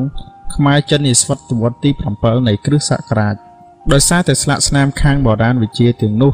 ទើបយើងបានឃើញពន្លឺចែងចាំងរបស់កម្រិតវប្បធម៌បុរាណមួយវិញទៀតយើងក៏សង្កេតឃើញថា បន្ទាប់ពីសន្តិវង្សថាងជនជាតិចិននៅតែបន្តទំនាក់ទំនងវប្បធម៌និងសេដ្ឋកិច្ចខ្មែររហូតដល់បច្ចុប្បន្នភាព ព័ន្ធភាពនយោបាយរវាងខ្មែរនិងចិនក៏ត្រូវពង្រីកតាមរយៈវិស័យសេដ្ឋកិច្ចដែរដោយវត្តមានរបស់សំពៅចិនដែលឆ្លាក់លើប្រាសាទបាយ័នជាសក្ខីភាពស្រាប់នៅក្នុងរាជធានីយសាធុបរៈដែលជាទីក្រុងដ៏សំខាន់ជាងគេព្រោះមានព្រះមហាក្សត្រីប្រថាប់នៅគេតែងតែឃើញមានការនាំចូលកុលាលភាចិននៅសម័យសុងវត្តមាននៃក្រឡហោចានរបស់ចិនជាផុសតាំងបង្ហាញឲ្យឃើញទំនាក់ទំនងគ្នា លើវិស័យពាណិជ្ជកម្មជាមួយនឹងចិនវត្តមាននោះក៏ជាផុសតាងបញ្ជាក់ពីវត្តមានរបស់ស្ថានទូតចិននៅក្នុងចក្រភពអង្គរផងដែរដូចនេះយើងបានដឹងរួចមកហើយការដែលលោកជឿតាខ្វាន់បានអញ្ជើញមកទស្សនកិច្ចនៅទីក្រុងអង្គរជាសក្កីកម្មបង្ហាញពីពង្រឹងវិស័យសេដ្ឋកិច្ចនិងនយោបាយរវាងប្រទេសទាំងពីរដែលធ្លាប់មានតាំងពីសម័យមុនមុនមក និងបានបន្តរហូតមកដល់សម័យបច្ចុប្បន្នយើងនេះប្រទេសខ្មែរនាសម័យអង្គរក៏បានទទួលពីចិននៅសម្ពាត់ដែលមានពណ៌ចម្រុះដែលឆ្លើយតបទៅនឹងសេចក្តីត្រូវការក្នុងការប្រើប្រាស់ក្នុងសង្គមដូចជាវាងននសម្រាប់តុបតែងខ្លោងទ្វារឬទ្វារបង្អួចផ្ទះសម្បែងឬប្រាង្គប្រាសាទក្រៅពីការនាំចូលកុលាលភាចិន គេសង្កេតឃើញមានកុលាលភាខ្មែរដែលមានលក្ខណៈជាកូនកាត់ លក្ខណៈកូនកាត់នៃក្រឡចានក្បានមួយចំនួនគ្រាន់តែបង្ហាញឲ្យឃើញនៅសន្ទុះនិងកម្រិតអតិពលវប្បធម៌ចិនមកលើសង្គមខ្មែរតែប៉ុណ្ណោះប៉ុន្តែគ្មានអ្វីអាចឲ្យគេសន្និដ្ឋានបានថាជនជាតិចិនបានបង្រៀនខ្មែរឲ្យចេះសូនកុលាលភាពដែលជាប្រពៃណីរបស់ខ្មែរតាំងពីសម័យយុគវប្បធម៌ថ្មរំលីង ពលគឺតាំងពីរវាង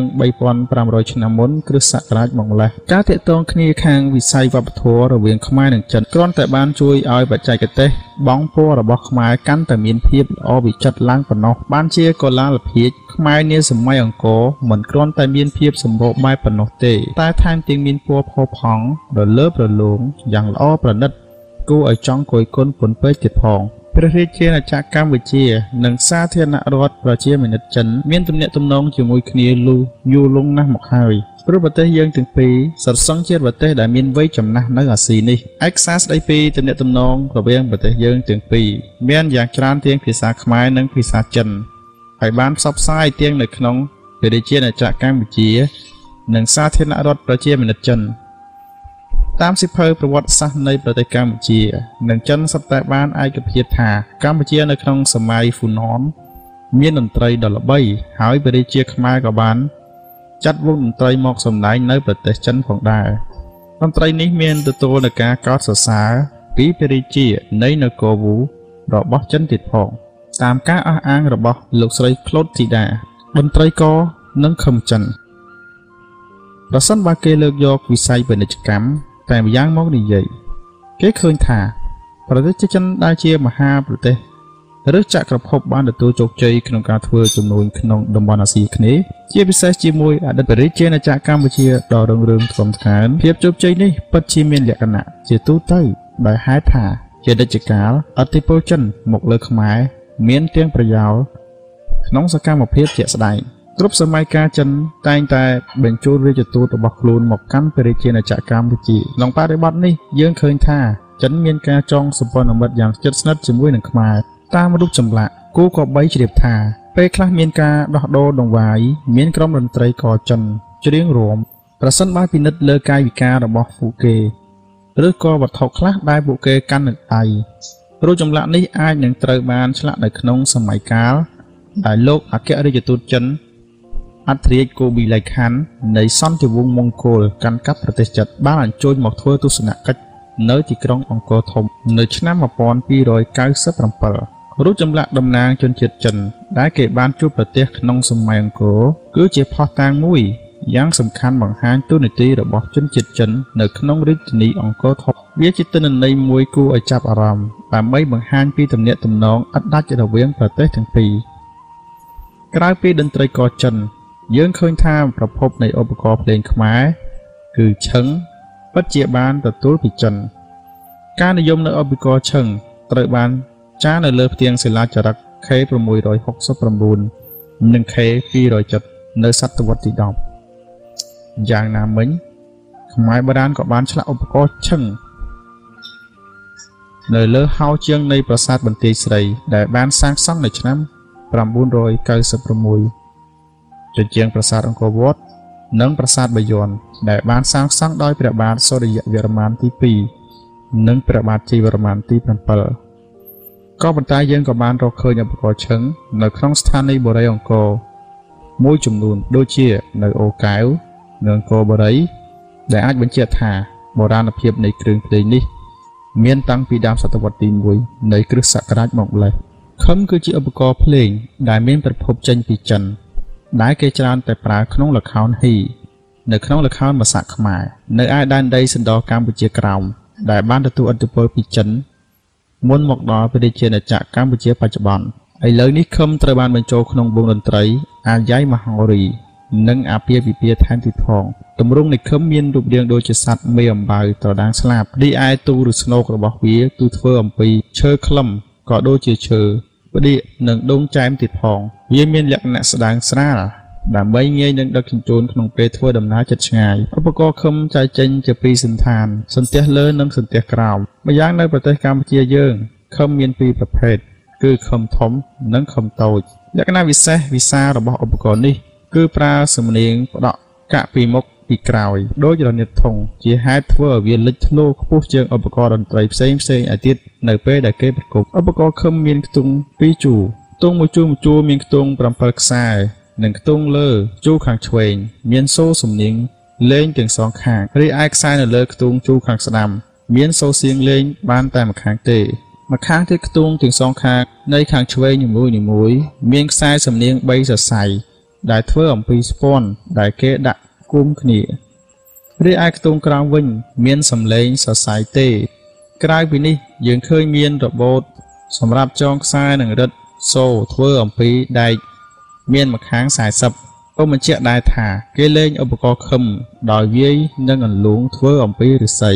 ផ្អែកលើទម្រង់ខឹមខ្មែរនិងខឹមចិនដែលជាលក្ខណៈសម្គាល់ជាក់ស្ដែងយើងអាចនិយាយយ៉ាងត្រឹមត្រូវថាឧបករណ៍ខឹមនេះមានប្រភពចេញពីឧបករណ៍ចិនប្រកបការសន្និដ្ឋាននេះមិនមែនជាសមត្ថកម្មប៉ុន្តែជាកម្ចីវប្បធម៌យ៉ាងពិតប្រាកដអំពីលបែងឆ្ពិនភ្នែកក្នុងគោលបំណងបង្កើតបរិយាកាសឲ្យមានភាពសប្បាយរីករាយនៅក្នុងបុណ្យទានធំធំ គេបានបង្កើតលបែងមួយចំនួនដូចជាឈុត ឈរតម្រៀបជន់លើគ្នាឈុតជិះដំរីវាយកូនឃ្លី ការបង្វិលខ្លួនលើចុងមង្គលឈើឈុតដើរសូលើព្រាត់ឈុតលេបកំបិតវែងនិងខ្លីនិងឈុតដើរលើទំងន់ជាដើមត្រូវបានវិចិត្រករខ្មែរឆ្លាក់លើប្រាសាទបាយ័នទុកជាតកតាងអ្វីដែលជាការកត់សម្គាល់នោះ គឺប្រសិនបើយើង ទស្សនាឈុតស៊ីចិនខ្លះ យើងមានអារម្មណ៍ថាមានលក្ខណៈដូចគ្នានឹងចម្លាក់ខ្មែរដែលបានឆ្លាក់នៅប្រាសាទបាយ័នភាពស្រដៀងគ្នារវាងប្រភេទលបែងខ្មែរនិងលបែងរហ័សកម្មចិន ជាទិន្នន័យដ៏សំខាន់ដែលអាចធ្វើឲ្យយើងហ៊ានសន្និដ្ឋានថាលបែងខ្មែរពិតជាមានទំនាក់ទំនងខាងសិល្បៈ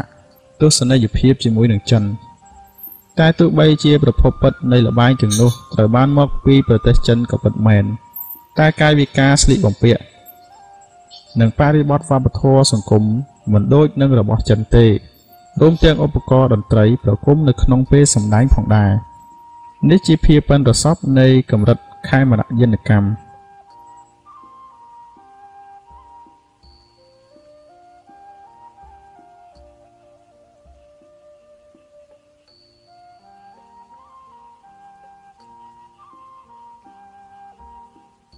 អំពីប្រភពចាក់សត្វទាំង12របស់ខ្មែរចាក់សត្វទាំង12ដែលជនជាតិខ្មែរប្រើជារៀងរាល់ឆ្នាំនោះ ចេញប្រភពមកពីចិន ពិសេសនៅសម័យបុរីអង្គរនិងអង្គរគឺពុំមែនខ្ចីពីពាក្យទាំងនោះមកពីឥណ្ឌានោះទេ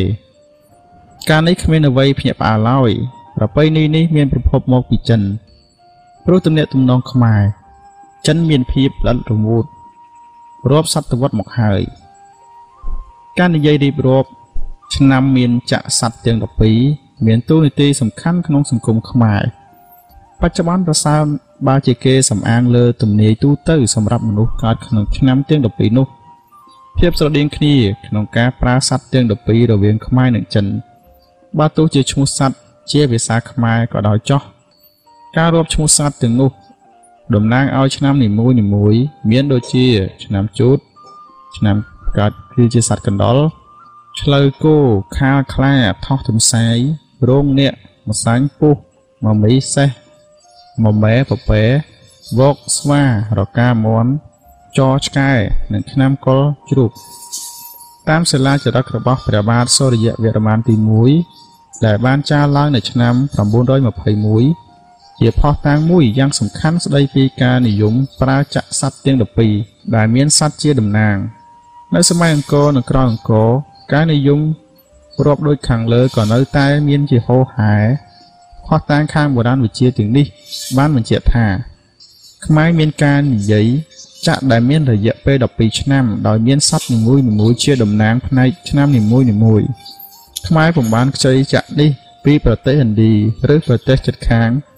ថៃឡាវ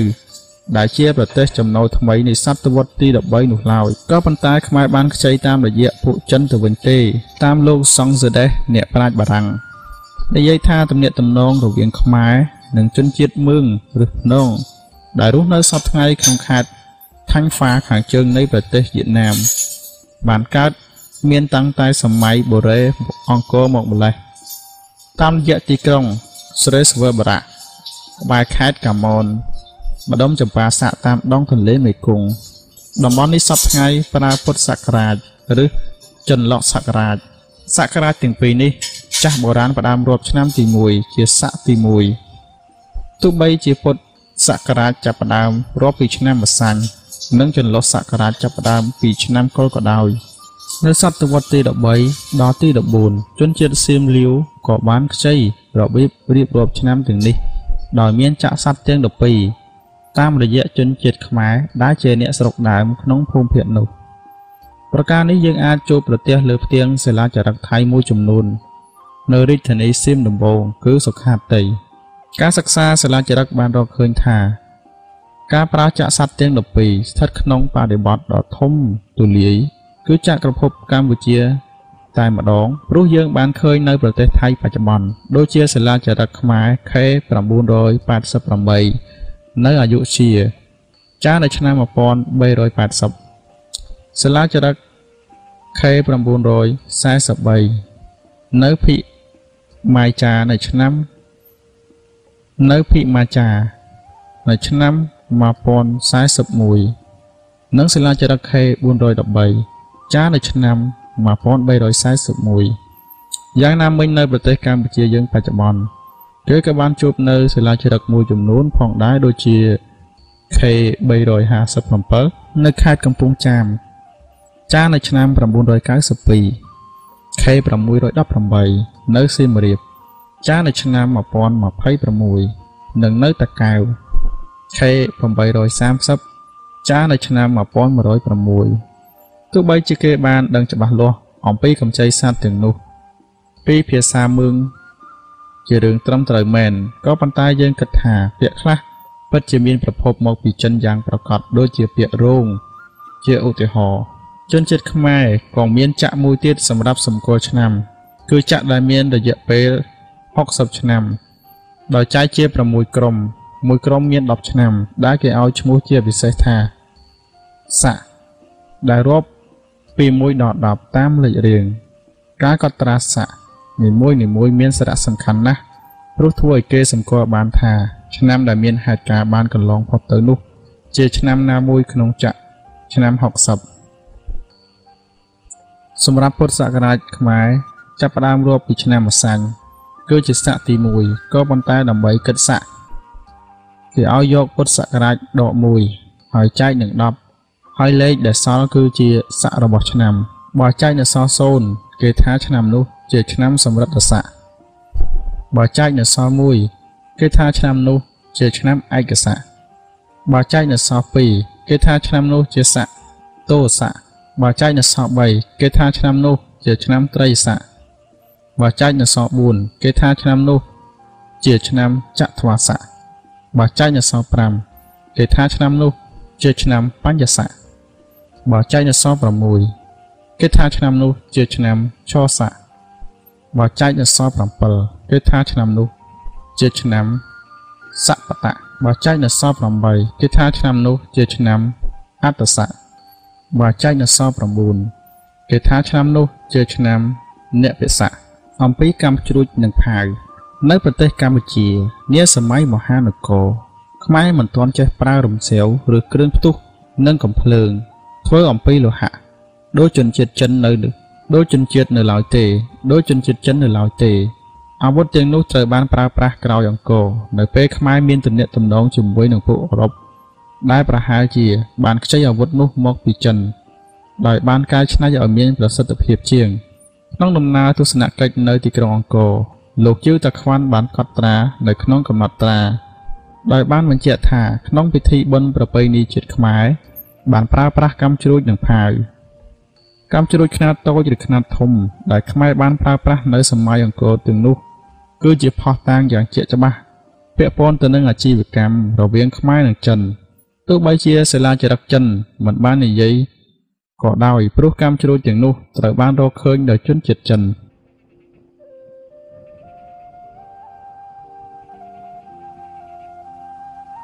អំពីសោតរបស់ចិន លោកជឿតាខ្វាន់បានកត់ត្រាថា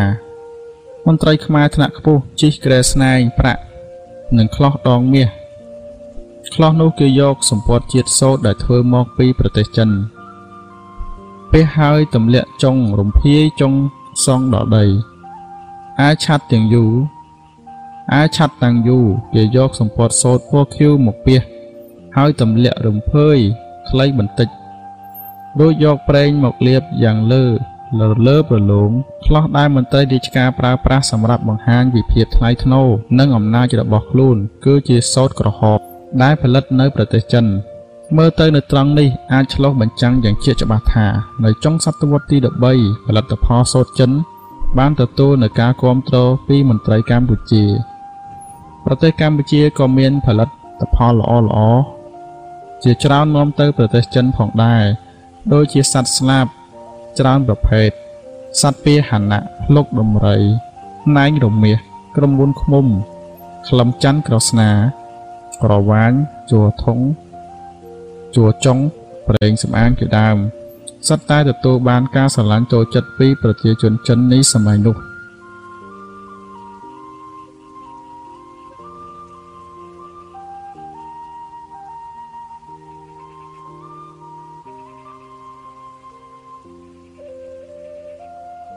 អំពីការយល់ច្រឡំរបស់ជីនជាតិចិន នៅក្នុងកំណត់ត្រានេះទោះបីជាលោកជាតខ្វាន់បានសរសេរយ៉ាងក្បោះក្បាយ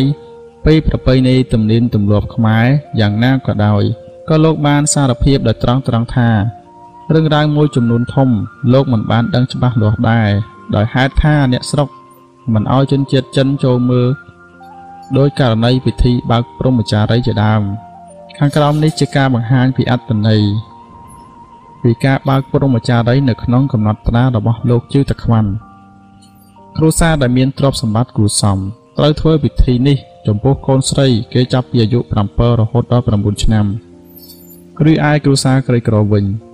គេអាចពន្យាពេលដោយប្រារព្ធពិធីនេះ ពេលដែលក្មេងស្រីនោះអាយុ11ឆ្នាំ ហើយអ្នកដែលធ្វើពិធីនេះបាន គឺមានតែព្រះខុព្រះសង្ឃតាបោះដែលជាអរិយបុគ្គលពលគឺ គឺជាទីពឹងដែលជាទីគោរពសក្ការៈរបស់ប្រជាជនខ្មែរនាសម័យនោះមុននឹងប្រារព្ធពិធីដ៏សំខាន់នេះឪពុកម្ដាយនៃក្មេងត្រូវអញ្ជើញទៅនិមន្តព្រះភិក្ខុសង្ឃឬតាបោះដែលនៅក្នុងវត្តអាស្រមដែលខ្លួនរាប់អាន និងគោរពទុកចិត្តប្រណិប័តតាមនោះ តាមទំនៀមទម្លាប់សម័យនោះព្រះភិក្ខុឬតាបោះនាចំនួននោះមួយឆ្នាំអាចធ្វើពិធីនេះបានតែមួយដង ហើយសម្រាប់ក្មេងស្រីតែម្នាក់ប៉ុណ្ណោះ ដើម្បីបំពេញពិធីដ៏សំខាន់នេះឪពុកម្ដាយនៃកូនស្រីត្រូវជម្រាបឲ្យភ្នាក់ងាររាជការដឹងមុនចំនួន1ខែឬយ៉ាងហោចណាស់ក៏កន្លះខែមុនដែរអញ្ញាធរនឹងឲ្យទីនធំមួយដើម ដោយលាក់ឬក្រៃទីននោះជាស្រេចដល់ពេលប្រគល់គេក៏ដុតទីននោះហើយបើទីននោះឆេះដល់ត្រង់កន្លែងលាក់ឬកន្លែងក្រៃហើយ អាចារ្យក៏ចាប់ផ្ដើមដំណើរការបើកព្រហ្មចារីយ៍មនុស្សដែលរស់នៅក្នុងបរមរាជវាំងឬកហបបដីគេធ្វើអំណោយជាអង្គកំណត់ព្រែស្រាមលូរាប់រយហឹបហើយបើកប្រៀបទៅនឹងប្រាក់សុកចិនវិញ វាស្មើនឹង200ដំឡឹងនៅពេលដែលយប់គេបានធ្វើពិធីជប់លៀងធំមួយ ដោយមានក្រុមដូរតន្ត្រីកំដរទៀតផង ដែលមានញាតិមិត្តជិតឆ្ងាយមកចូលរួមយ៉ាងកកកដើម្បីអបអរសាទរចំពោះពិធីនោះដែលត្រូវប្រព្រឹត្តតែមួយដងគត់ក្នុងជីវិតរបស់មនុស្សស្រីនៅមុខផ្ទះគេតរោងខ្ពស់លើរៀនគេតាំងរូបតុក្កតាតំណាងមនុស្សនិងសត្វធ្វើអំពីដីដុតតាមលទ្ធភាពរបស់គ្រួសារហើយជួនកាលក៏គ្មានដែរពិធីនេះត្រូវធ្វើឡើងគ្រប់7យប់7ថ្ងៃបន្ទាប់មកម្ចាស់ផ្ទះ ក៏រើវត្ថុទាំងអស់នោះ ដាក់ស្នែងដាក់អំរែកនៅពេលប្រលប់គេដើរជាក្បួនទៅកាន់វត្តដើម្បីនិមន្តព្រះភិក្ខុដែលមានទាំងក្រុមតន្ត្រី ចូលរួមដំណើរទៀតផង ចំពោះការរៀបចំពិធីបុណ្យម្ចាស់ផ្ទះយកកំណត់ព្រែដែលមានពណ៌ចម្រុះផ្សេងមកហុំព័ទ្ធរោងឈើពីខ្នង គឺមួយខ្នងសម្រាប់ក្មេងស្រី ហើយមួយខ្នងទៀត សម្រាប់ប្រគេនទៅព្រះខុសង្ឃក្នុងគណៈដែលព្រះខុសង្ឃនិងក្មេងស្រីបានចូលទៅក្នុងបន្ទប់ព្រះសង្ឃក៏យកដៃរបស់ព្រះអង្គទៅទម្លុះព្រមចារីរបស់ក្មេងស្រីនោះទៅ បន្ទាប់មកព្រះអង្គក៏យកជាតិរំអិលទៅដាក់ក្នុងស្រាដើម្បីយកជូនមេដាបៃតាញាតិញោមនៃក្មេងស្រី មានមនុស្សខ្លះពោលថា គេយកស្រានោះមកលាបថ្ងាស អ្នកខ្លះទៀតក៏ថាព្រះខុសសង្ឃមិនបានយកម្រាមដៃទៅទម្លុះទេក៏ប៉ុន្តែព្រះអង្គបានរួមសង្វាក់ជាមួយក្មេងស្រីនោះផ្ទាល់តែម្ដងលុះព្រឹកឡើងពេលនោះព្រះអាទិត្យរះគេនាំគ្នាយកក្រែស្នែងអម្រែករែកកញ្ជើល្អីដាក់របស់របរនិងតន្ត្រីដង្ហែព្រះខុសង្ឃនិមន្តទៅវត្តវិញបន្ទាប់មកឪពុកម្ដាយបានយកសម្ពត់សមកលុះកូនស្រីពី សំណាក់ព្រះភិក្ខុសង្ឃនោះវិញបើមិនដូច្នោះទេក្មេងស្រីនោះនឹងក្លាយជាកម្មសិទ្ធិរបស់ព្រះភិក្ខុនោះ ហើយមិនអាចទៅរៀបការជាមួយនឹងអ្នកណាបានទេគួរបញ្ជាក់ថាមុនប្រពៃពិធីបើកព្រំវិចារីក្មេងស្រីនោះដេកនៅជាមួយឪពុកម្ដាយលុះក្រោយពីប្រពៃពិធីនេះរួចត្រូវដេកនៅកន្លែងណាមួយផ្សេងក្នុងផ្ទះក៏តាមតែចិត្តរបស់នាងចង់បើតាមលោកបណ្ឌិតវិសេត្រាណេ បានអះអាងថាពិធីបើកព្រហ្មចារីយ៍គឺជាពិធីឆ្លងឬជាប្រពៃណីចម្លងមួយ ធ្វើឡើងសម្រាប់ចម្លងមនុស្សពីវ័យកុមារដល់វ័យពេញក្រមុំតាមពិតទៅពិធីនេះពុំទាន់មានលក្ខណៈពេញលេញនៅឡើយទេព្រោះវាគ្រាន់តែជាដំណាក់កាលដំបូងបង្អស់តែប៉ុណ្ណោះសម្រាប់ក្មេងស្រីខ្មែរមុនពេលរៀបអាពាហ៍ពិពាហ៍ដែលជាដំណាក់កាលដ៏សំខាន់បំផុតរបស់ស្ត្រីខ្មែរ។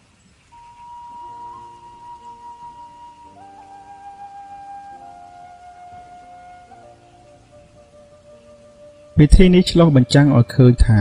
ចាប់ពីថ្ងៃនេះទៅ នាងមានមុខងារទូនាទីថ្មីនៅក្នុងសង្គមពោលគឺនាងត្រូវបំពេញកាតព្វកិច្ចមួយចំនួនថ្មីថ្មីខុសពីក្មេងស្រីដទៃទៀតការពិនិត្យប្រពៃណីខ្មែរសតវត្សទី19និងដើមសតវត្សទី20ដូចជាពិធីចូលម្លប់ចេញម្លប់អាចបញ្ជាក់ឲ្យឃើញថាតំណាក់តំណងផ្នែកនិមិត្តរូបយ៉ាងជិតស្និទ្ធរវាងពិធីនេះ និងពិធីបើកព្រហ្មចារីយ៍នាសម័យអង្គរ ម្យ៉ាងទៀតដោយសារសង្គមខ្មែរបុរាណជាសង្គមដែលមានតម្លៃឬប្រកាន់សិលធម៌សច្ចធម៌និងភាពល្អបរិសុទ្ធយ៉ាងខ្ពស់ចំពោះទស្សនៈនេះយល់ថាព្រះសង្ឃសេពកាមជាមួយក្មេងគឺជាពាក្យចចាមអារាម ដែលលោកជឿតាខ្វាន់បានពោលដែលគេកត់ដែលគាត់បានបំពេញទស្សនកិច្ចនៅប្រទេសកម្ពុជាព្រោះលោកមិនបានដឹងច្បាស់និងបានមើលឃើញដោយផ្ទាល់ភ្នែកនោះឡើយ គួរបញ្ជាក់ផងដែរថានៅក្នុងកំណត់ហេតុរបស់លោកជឿតាខ្វាន់ដែលមាន8500អក្សរក្នុងនោះអក្សរដែលពណ៌នាអំពីស្ត្រីខ្មែរមានចំនួន1850ទូនេះជាការបង្ហាញឲ្យឃើញថាលោកមានចំណាប់អារម្មណ៍ទៅលើស្ត្រីភេទប្រទេសចេនឡាលោកបានពោលថា ស្ត្រីខ្មែរជាស្ត្រីល្មមកាមព្រោះក្រោយពេលដែលសម្រាកូនហើយមួយថ្ងៃឬពីរថ្ងៃប៉ុណ្ណោះគេក៏រួមដំណេកជាមួយប្តីបើប្តីនោះបំពេញចំណងខ្លួនមិនបានទេ គេនឹងបោះបង់ប្តីនោះចោលប្រសិនប្តីនោះមានទុរៈទៅស្រុកឆ្ងាយអស់រយៈពេលច្រើនយប់ចាប់ពី10យប់ឡើងទៅច្បាស់ជាត្រូវប្រពន្ធស្ដីឲ្យថាខ្ញុំមិនមែនខ្មោចទេ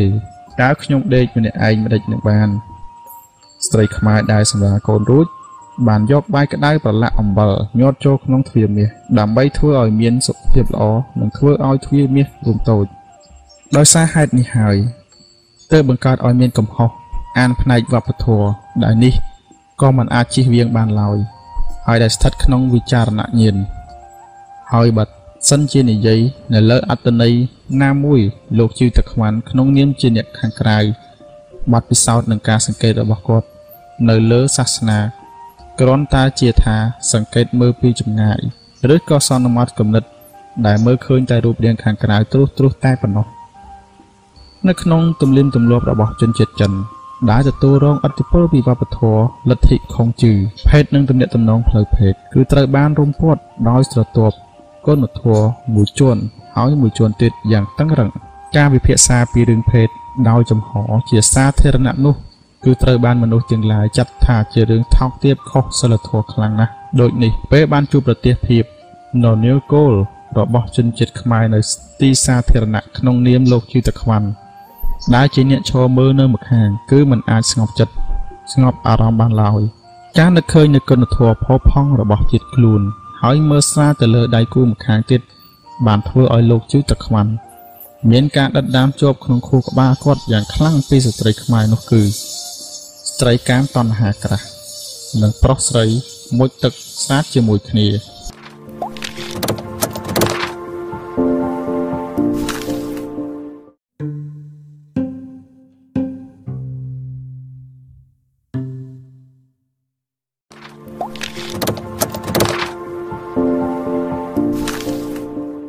អំពីនយោបាយកិច្ចគ្រប់គ្រងនយោបាយចិនតែមួយ ជនជាតិចិនមកកាន់សមុទ្រចិនខាងត្បូងក្នុងដំណើរមកកាន់សមុទ្រចិនខាងត្បូងជនជាតិចិនគឺសំដៅមកភូណន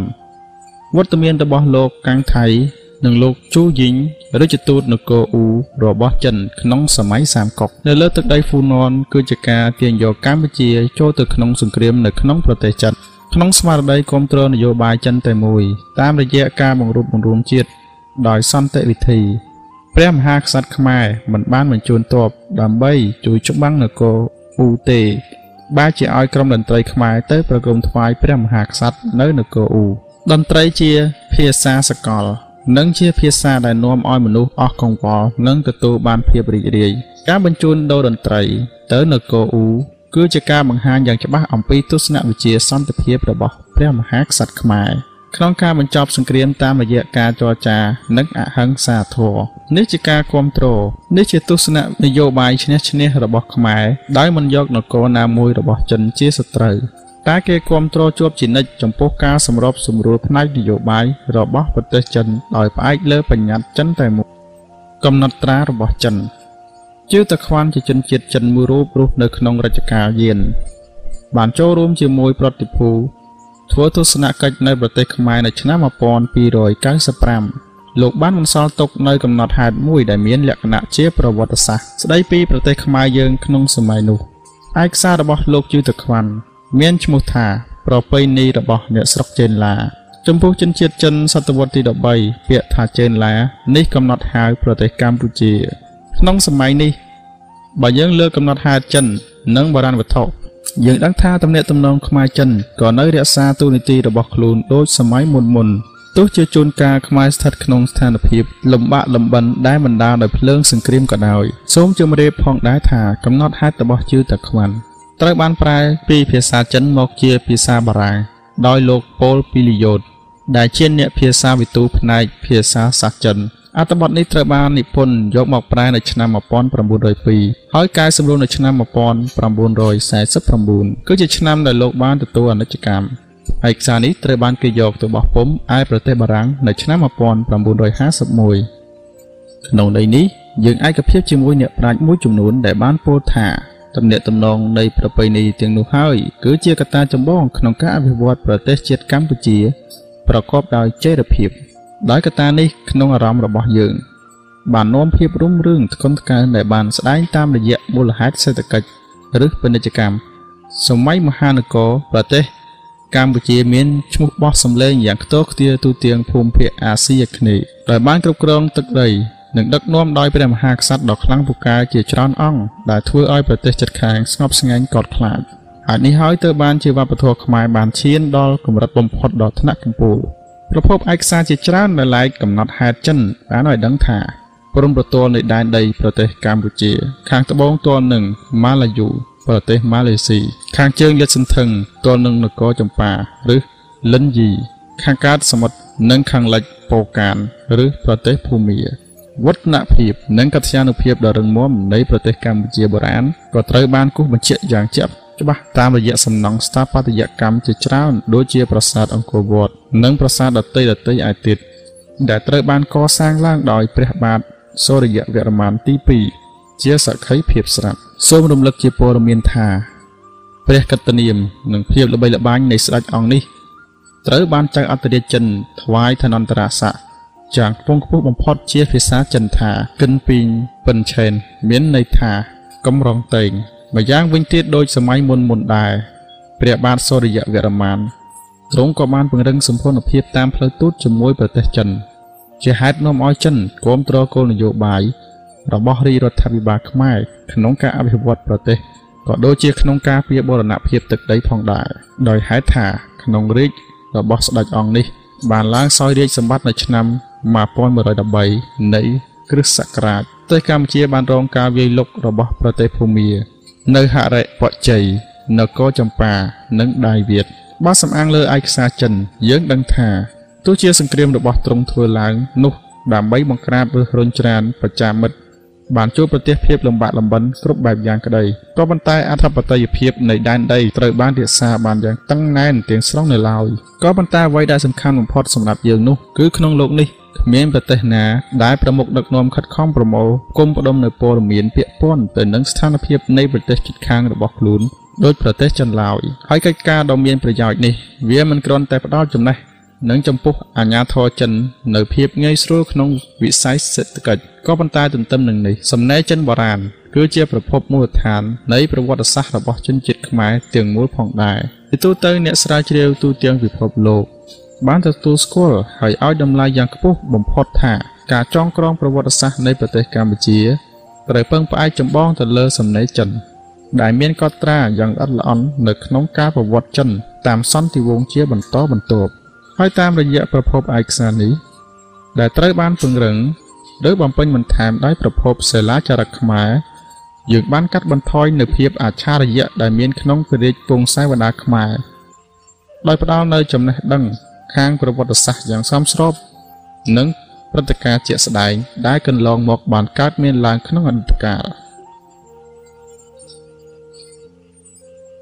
អំពីកិច្ចការពារជនជាតិចិន តាមកំណត់ត្រារបស់លោកជឿតខ្វាន់ជាត្រីវិស័យប្រវត្តិសាស្ត្រមួយយ៉ាងសំខាន់ដោយបានកត់ត្រារឿងរ៉ាវនានាពីសង្គមខ្មែរនាសម័យអង្គរសូម្បីតែពាក្យពេចន៍មួយចំនួន ក៏លោកបត់កត់ត្រាយ៉ាងពិស្ដារដែលដូចជាឃ្លាមិនដឹងភាសានិងប្រមាត់ប្រមងជាដើមប្រមាត់ប្រមងតែងត្រូវបានអ្នកស្រុកប្រើពេលមានអសន្និសុខឬមានអាសន្នយើងធ្លាប់ឮចាស់ចាស់ដែលរស់នៅតាមស្រុកភូមិនិយាយទៅកាន់កូនក្មេងថាកុំចេញទៅក្រៅតិចគេចាប់ញាត់បាវយកទៅឲ្យប្រមាត់ប្រមង ជនជាតិខ្មែរមួយចំនួនតែងមានជំនឿថាប្រមាថជាថ្នាំដ៏ពិសិដ្ឋកែរោគមួយចំនួន ដែលជាហេតុធ្វើឲ្យបុគ្គលអសិលធម៌មួយចំនួនសម្រាប់មនុស្សដើម្បីយកប្រមាថលោកជឿតខ្វាន់បានកត់ត្រាថាកាលពីមុននេះតែដល់ខែទី8គេតែងធ្វើការចាប់មនុស្សយកប្រមាថពេលព្រោះស្ដេចក្រុងចាមក្នុងមួយឆ្នាំ គេសុំយកប្រមាថមនុស្សមួយថោដែលមានចំនួនរាប់ពាន់នៅក្នុងពេលយប់គេចាប់ពួកអ្នកយកប្រមាថប្រមាថប្រម៉ង ដើរទៅតាមផ្លូវនានាក្នុងទីក្រុងនិងភូមិបើប្រទេសមនុស្សណាដើរក្នុងពេលយប់ស្ងាត់នោះគេចាប់យកខ្សែចងក្បាលឲ្យជាប់ហើយយកកូនកំបិតចាក់ក្រោមក្លៀកខាងស្ដាំខ្វេះយកប្រមាត់ដាក់ក្នុងថោលុះត្រាតែបានពេញចំនួនទើបគេយកទៅថ្វាយស្ដេចក្រុងចាមប៉ុន្តែគេមិនបានយកប្រមាត់ជនជាតិចិនទេពីព្រោះមានការឆ្នាំមួយនោះគេយកប្រមាត់ជនជាតិចិនលាយនឹងគេ ក៏បណ្ដាលឲ្យស្អុយរលួយខូចប្រមាត់នៅក្នុងថោលែងប្រើការបានទាំងអស់ក្នុងន័យនេះដើម្បីការពារជនជាតិចិនប្រឌិតរឿងកុហកមួយដែលមិនទំនងមកបំផ្លំនៅស្ដេចក្រុងចាមដើម្បីឲ្យបានសម្រេចគោលបំណងដោយសារតែហេតុនេះហើយប្រទេសចិនឡាមានតំបន់ខ្លះស្ទើរតែបានคล้ายទៅជាតំបន់ជនជាតិចិន មិនដឹងភាសាជាពាក្យ3ម៉ាត់ដែលគេបានជួបប្រទះនៅក្នុងកំណត់ត្រារបស់លោកជឿតខ្វាន់ ហើយនិយាយសម្ដៅទៅជនជាតិចិនរស់នៅក្នុងប្រទេសកម្ពុជា ដែលពុំបានអនុវត្តប្រតិបត្តិតាមទំនៀមទម្លាប់ខ្មែរពាក្យភាសានៅទីនេះពុំមែនសំដៅទៅលើភាសាឆ្លោយឆ្លងដូចគេស្មាននោះឡើយហើយម្យ៉ាងទៀតពាក្យនេះបានបាត់ពីពាក្យពេចន៍ឃ្លាប្រយោគរបស់ខ្មែរយើងសពថ្ងៃទៅហើយឃ្លាប្រយោគមិនដឹងភាសាខាងលើនេះមានដូចជាពាក្យថៃម៉ៃលូភាសាដែលគេប្រើមិនដល់សពថ្ងៃនេះដែរ វត្តមានរបស់ឃ្លាប្រយោគនេះក្នុងពាក្យខ្មែរសរិនខ្មែរបុរីរំដូចជាបរទេសគោឲ្យដឹងភាសា អង្គុយឲ្យដឹងភាសា កូននេះដឹងភាសាណាស់និយាយឲ្យដឹងភាសាផងយ៉ាងណាមិញវត្តមានរបស់ឃ្លាមិនដឹងភាសាឬដឹងភាសា នៅក្នុងកំណត់ហេតុរបស់ជឿតខ្វាន់ នឹងការដែលខ្មែររស់នៅក្នុងស្រុកថៃនៅនិយមប្រើប្រាស់នោះសឲ្យយើងឃើញថាជនជាតិសៀមបានខ្ចីឃ្លាប្រយោគនេះពីខ្មែរនាសម័យបុរាណយ៉ាងប្រកបពលគឺពេលដែលពួកគេទៅចុះពីប្រទេសចិន ហើយបានតាំងលំនៅឋាន នៅក្នុងខេត្តសុខាតីសតវត្សទី13នៃគ្រិស្តសករាជបារានវិទូចាងសៀតបានកត់ត្រាថា ប្រទេសចេនឡានៅពេលនោះ មានឈើជារបងព្រំដែន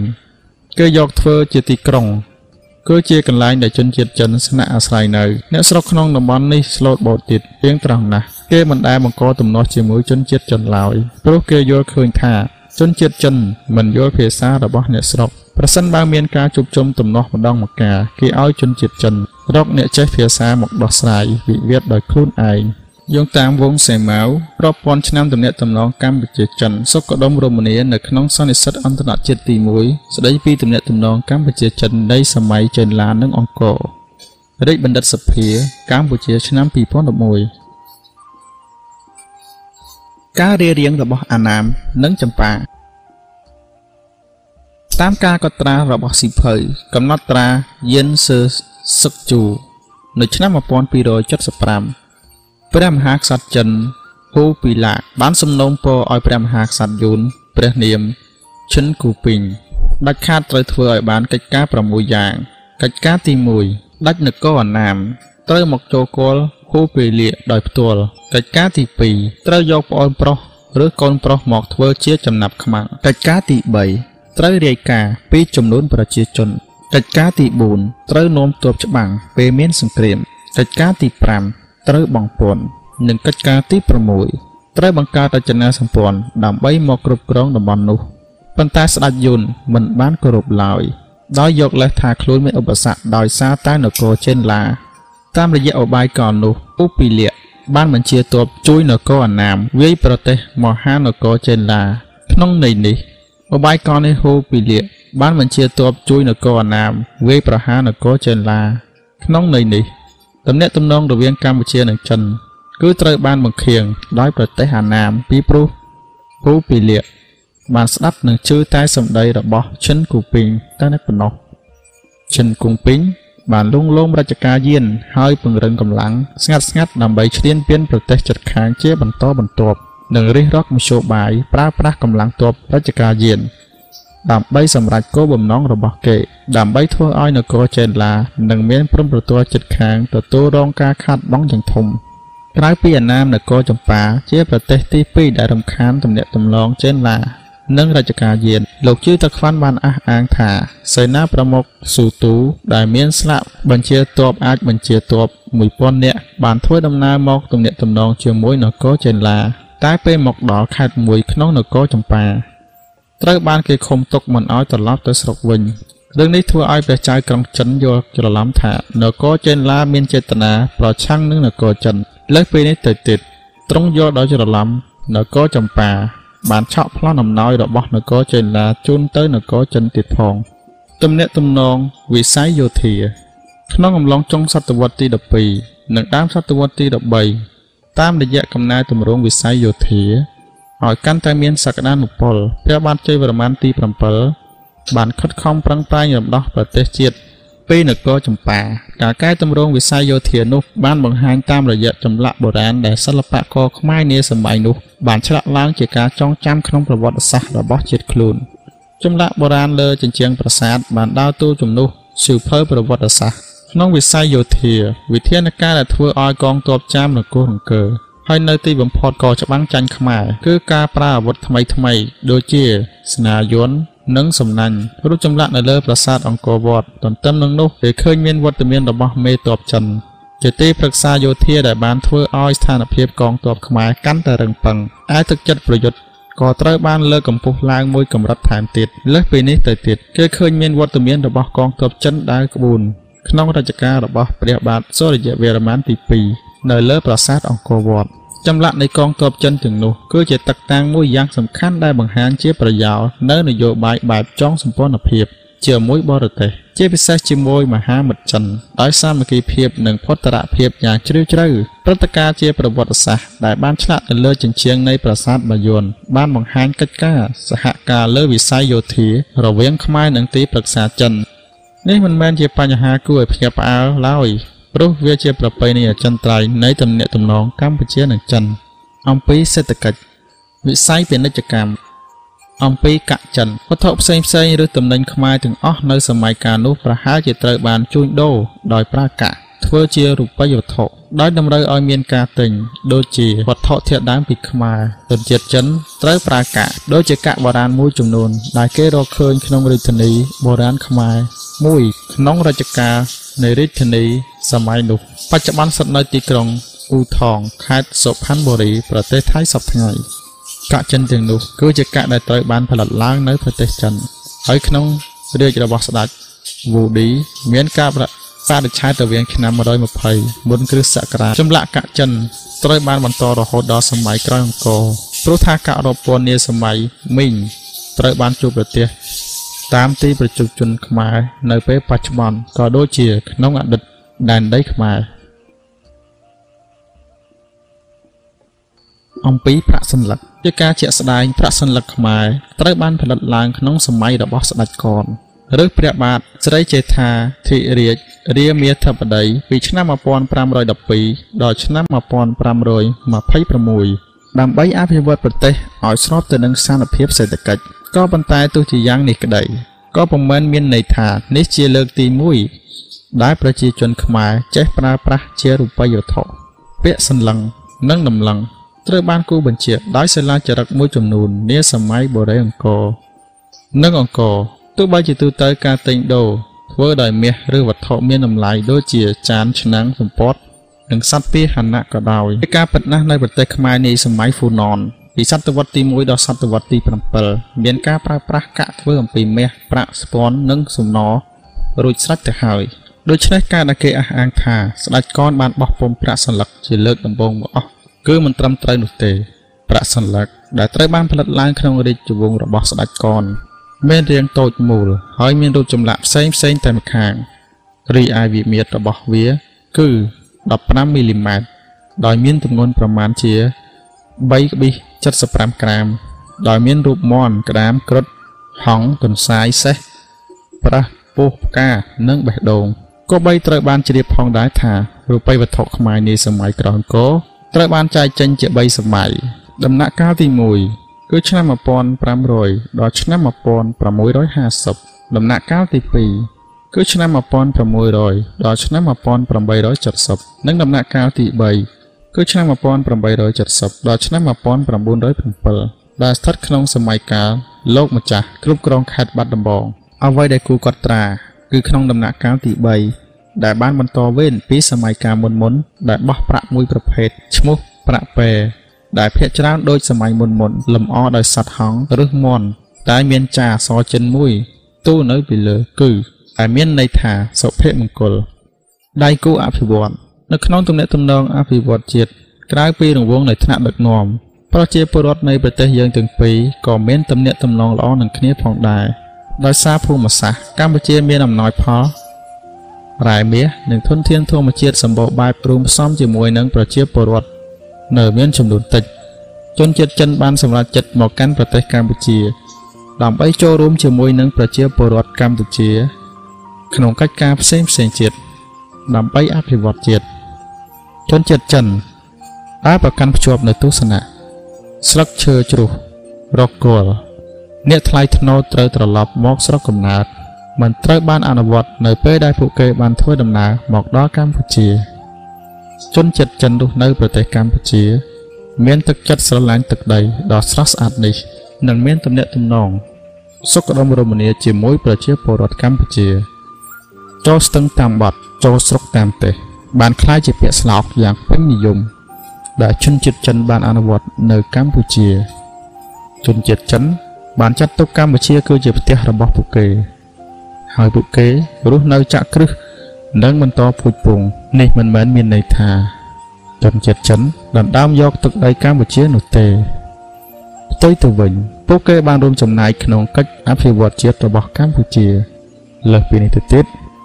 ថ្នាក់ដឹកនាំរបស់ចិនតែងនឹករលឹកដល់ជនជាតិចិនដែលនៅកម្ពុជា ហើយបានជួយការពារអធិបតេយ្យភាព និងភាពសុខសាន្តរបស់កម្ពុជាទៀតផង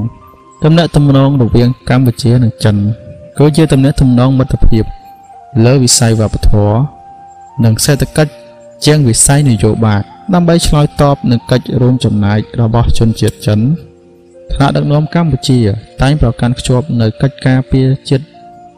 ជនជាតិចិនដោយសារតែជនជាតិចិន មានអត្តចរិតស្លូតត្រង់សុចរិតអត់ធន់ឧស្សាហ៍ព្យាយាមទើបពួកគេទទួលបានការគោរព និងជឿជាក់ពីប្រជាពលរដ្ឋខ្មែរជាបណ្ដាបណ្ដាចរិតដ៏ល្អរបស់ជនជាតិចិន បានជំរុញឲ្យប្រជាពលរដ្ឋខ្មែរមួយចំនួន បានផ្សំគុំកូនចៅរបស់គេជាមួយនឹងជនជាតិចិន តាមរយៈអាពាហ៍ពិពាហ៍និងការរស់នៅក្នុងភូមិស្រុកជាមួយជនជាតិចិន ជនជាតិខ្មែរបានទទួលយកប្រពៃណីរបស់ជនជាតិចិន ប្រពៃណីជនជាតិចិននេះ បានដកជាប់ក្នុងចិត្តរបស់ជនជាតិខ្មែរ មួយចំនួនធំ ជាពិសេសអ្នកនៅទីប្រជុំជន តាំងពីបុរាណកាលរៀងមកក្នុងន័យនេះប្រជាពលរដ្ឋខ្មែរបានកែសម្រួលការទទួលយកវប្បធម៌ឥណ្ឌាមកទទួលយកវប្បធម៌ចិនចង់ឬមិនចង់កម្ពុជាមិនអាចមិនទទួលយកវប្បធម៌នៃប្រទេសទាំងពីរនេះបានឡើយក្នុងពេលដែលកម្ពុជាស្ថិតក្នុងភូមិសាស្ត្រឥណ្ឌូចិននេះ ការសន្និដ្ឋាន ផ្ដើមពីភូមិផងរបងជាប់គ្នាទំនាក់ទំនងកម្ពុជាចិន បានរីកធំធាត់ជាលំដាប់ តាមរយៈទំនាក់ទំនងដ៏ស្មោះត្រង់និងកិច្ចការពីផលប្រយោជន៍ឲ្យគ្នាទៅវិញទៅមកអធិពលនៃវប្បធម៌នៃប្រទេសទាំងពីរកម្ពុជាចិន បាននាំឲ្យគ្នាទៅវិញទៅមកប៉ុន្តែដោយសារប្រទេសចិន មានភាពចំណាស់ជាងប្រទេសកម្ពុជា ជាហេតុនាំឲ្យវប្បធម៌ចិន ជាច្រើនបានហូរចូលមកប្រទេសកម្ពុជាពីទំនាក់ទំនងជិតស្និទ្ធពីអតីតកាលបានក្លាយជាបច្ច័យដល់ទំនាក់ទំនងនាពេលបច្ចុប្បន្ននិងអនាគតស្ពានទំនាក់ទំនងនាសម័យហ្វូណនបានតភ្ជាប់កម្ពុជា ទៅនឹងប្រទេសចិន ដែលជាប្រទេសមហាអំណាចនៅអាស៊ីដ៏មានឥទ្ធិពលនាពេលបច្ចុប្បន្នទំនាក់ទំនងរវាងកម្ពុជាចិន ជាទំនាក់ទំនងមិត្តភាពនិងកិច្ចសហប្រតិបត្តិការលើវិស័យវប្បធម៌និងវិស័យពាណិជ្ជកម្ម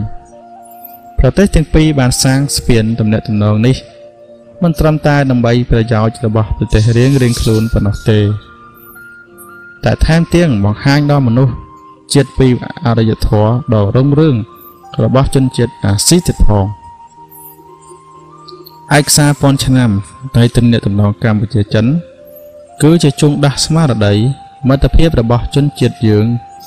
ទាំងពីរឲ្យបន្តមូលដ្ឋានទំនាក់ទំនងពីបុរាណដើម្បីភាពរុងរឿងនៃបច្ចុប្បន្នភាព និងអនាគតភាពរបស់ទ្វីបអាស៊ីទំនាក់ទំនងនេះក៏ជានយោបាយមួយដល់ប្រទេសជិតខាងរបស់កម្ពុជាឲ្យយល់គំរូពីវរៈភាពរបស់វាឯកសារនេះនឹងក្លាយជាទីប្រទីបថ្មីមួយ ដល់អ្នកការទូតវ័យក្មេងនៃប្រទេសយើងទាំងពីរទស្សនៈការពារតែមិនវាយប្រហារជាទស្សនៈវិជានយោបាយដែលថ្នាក់ដឹកនាំរបស់ប្រទេសយើងទាំងពីរកម្ពុជាចិន បានអនុវត្តជារៀងរហូតមក ជាមួយគ្នានេះដែរទស្សនៈមិត្តល្អជាមិត្តដែលជួយគ្នាក្នុងគ្រាក្រ ជាទស្សនៈប្រកបដោយគុណធម៌និងសិលធម៌ ដែលថ្នាក់ដឹកនាំនិងជនជាតិយើងទាំងពីរបាននឹងកំពុងតែអនុវត្ត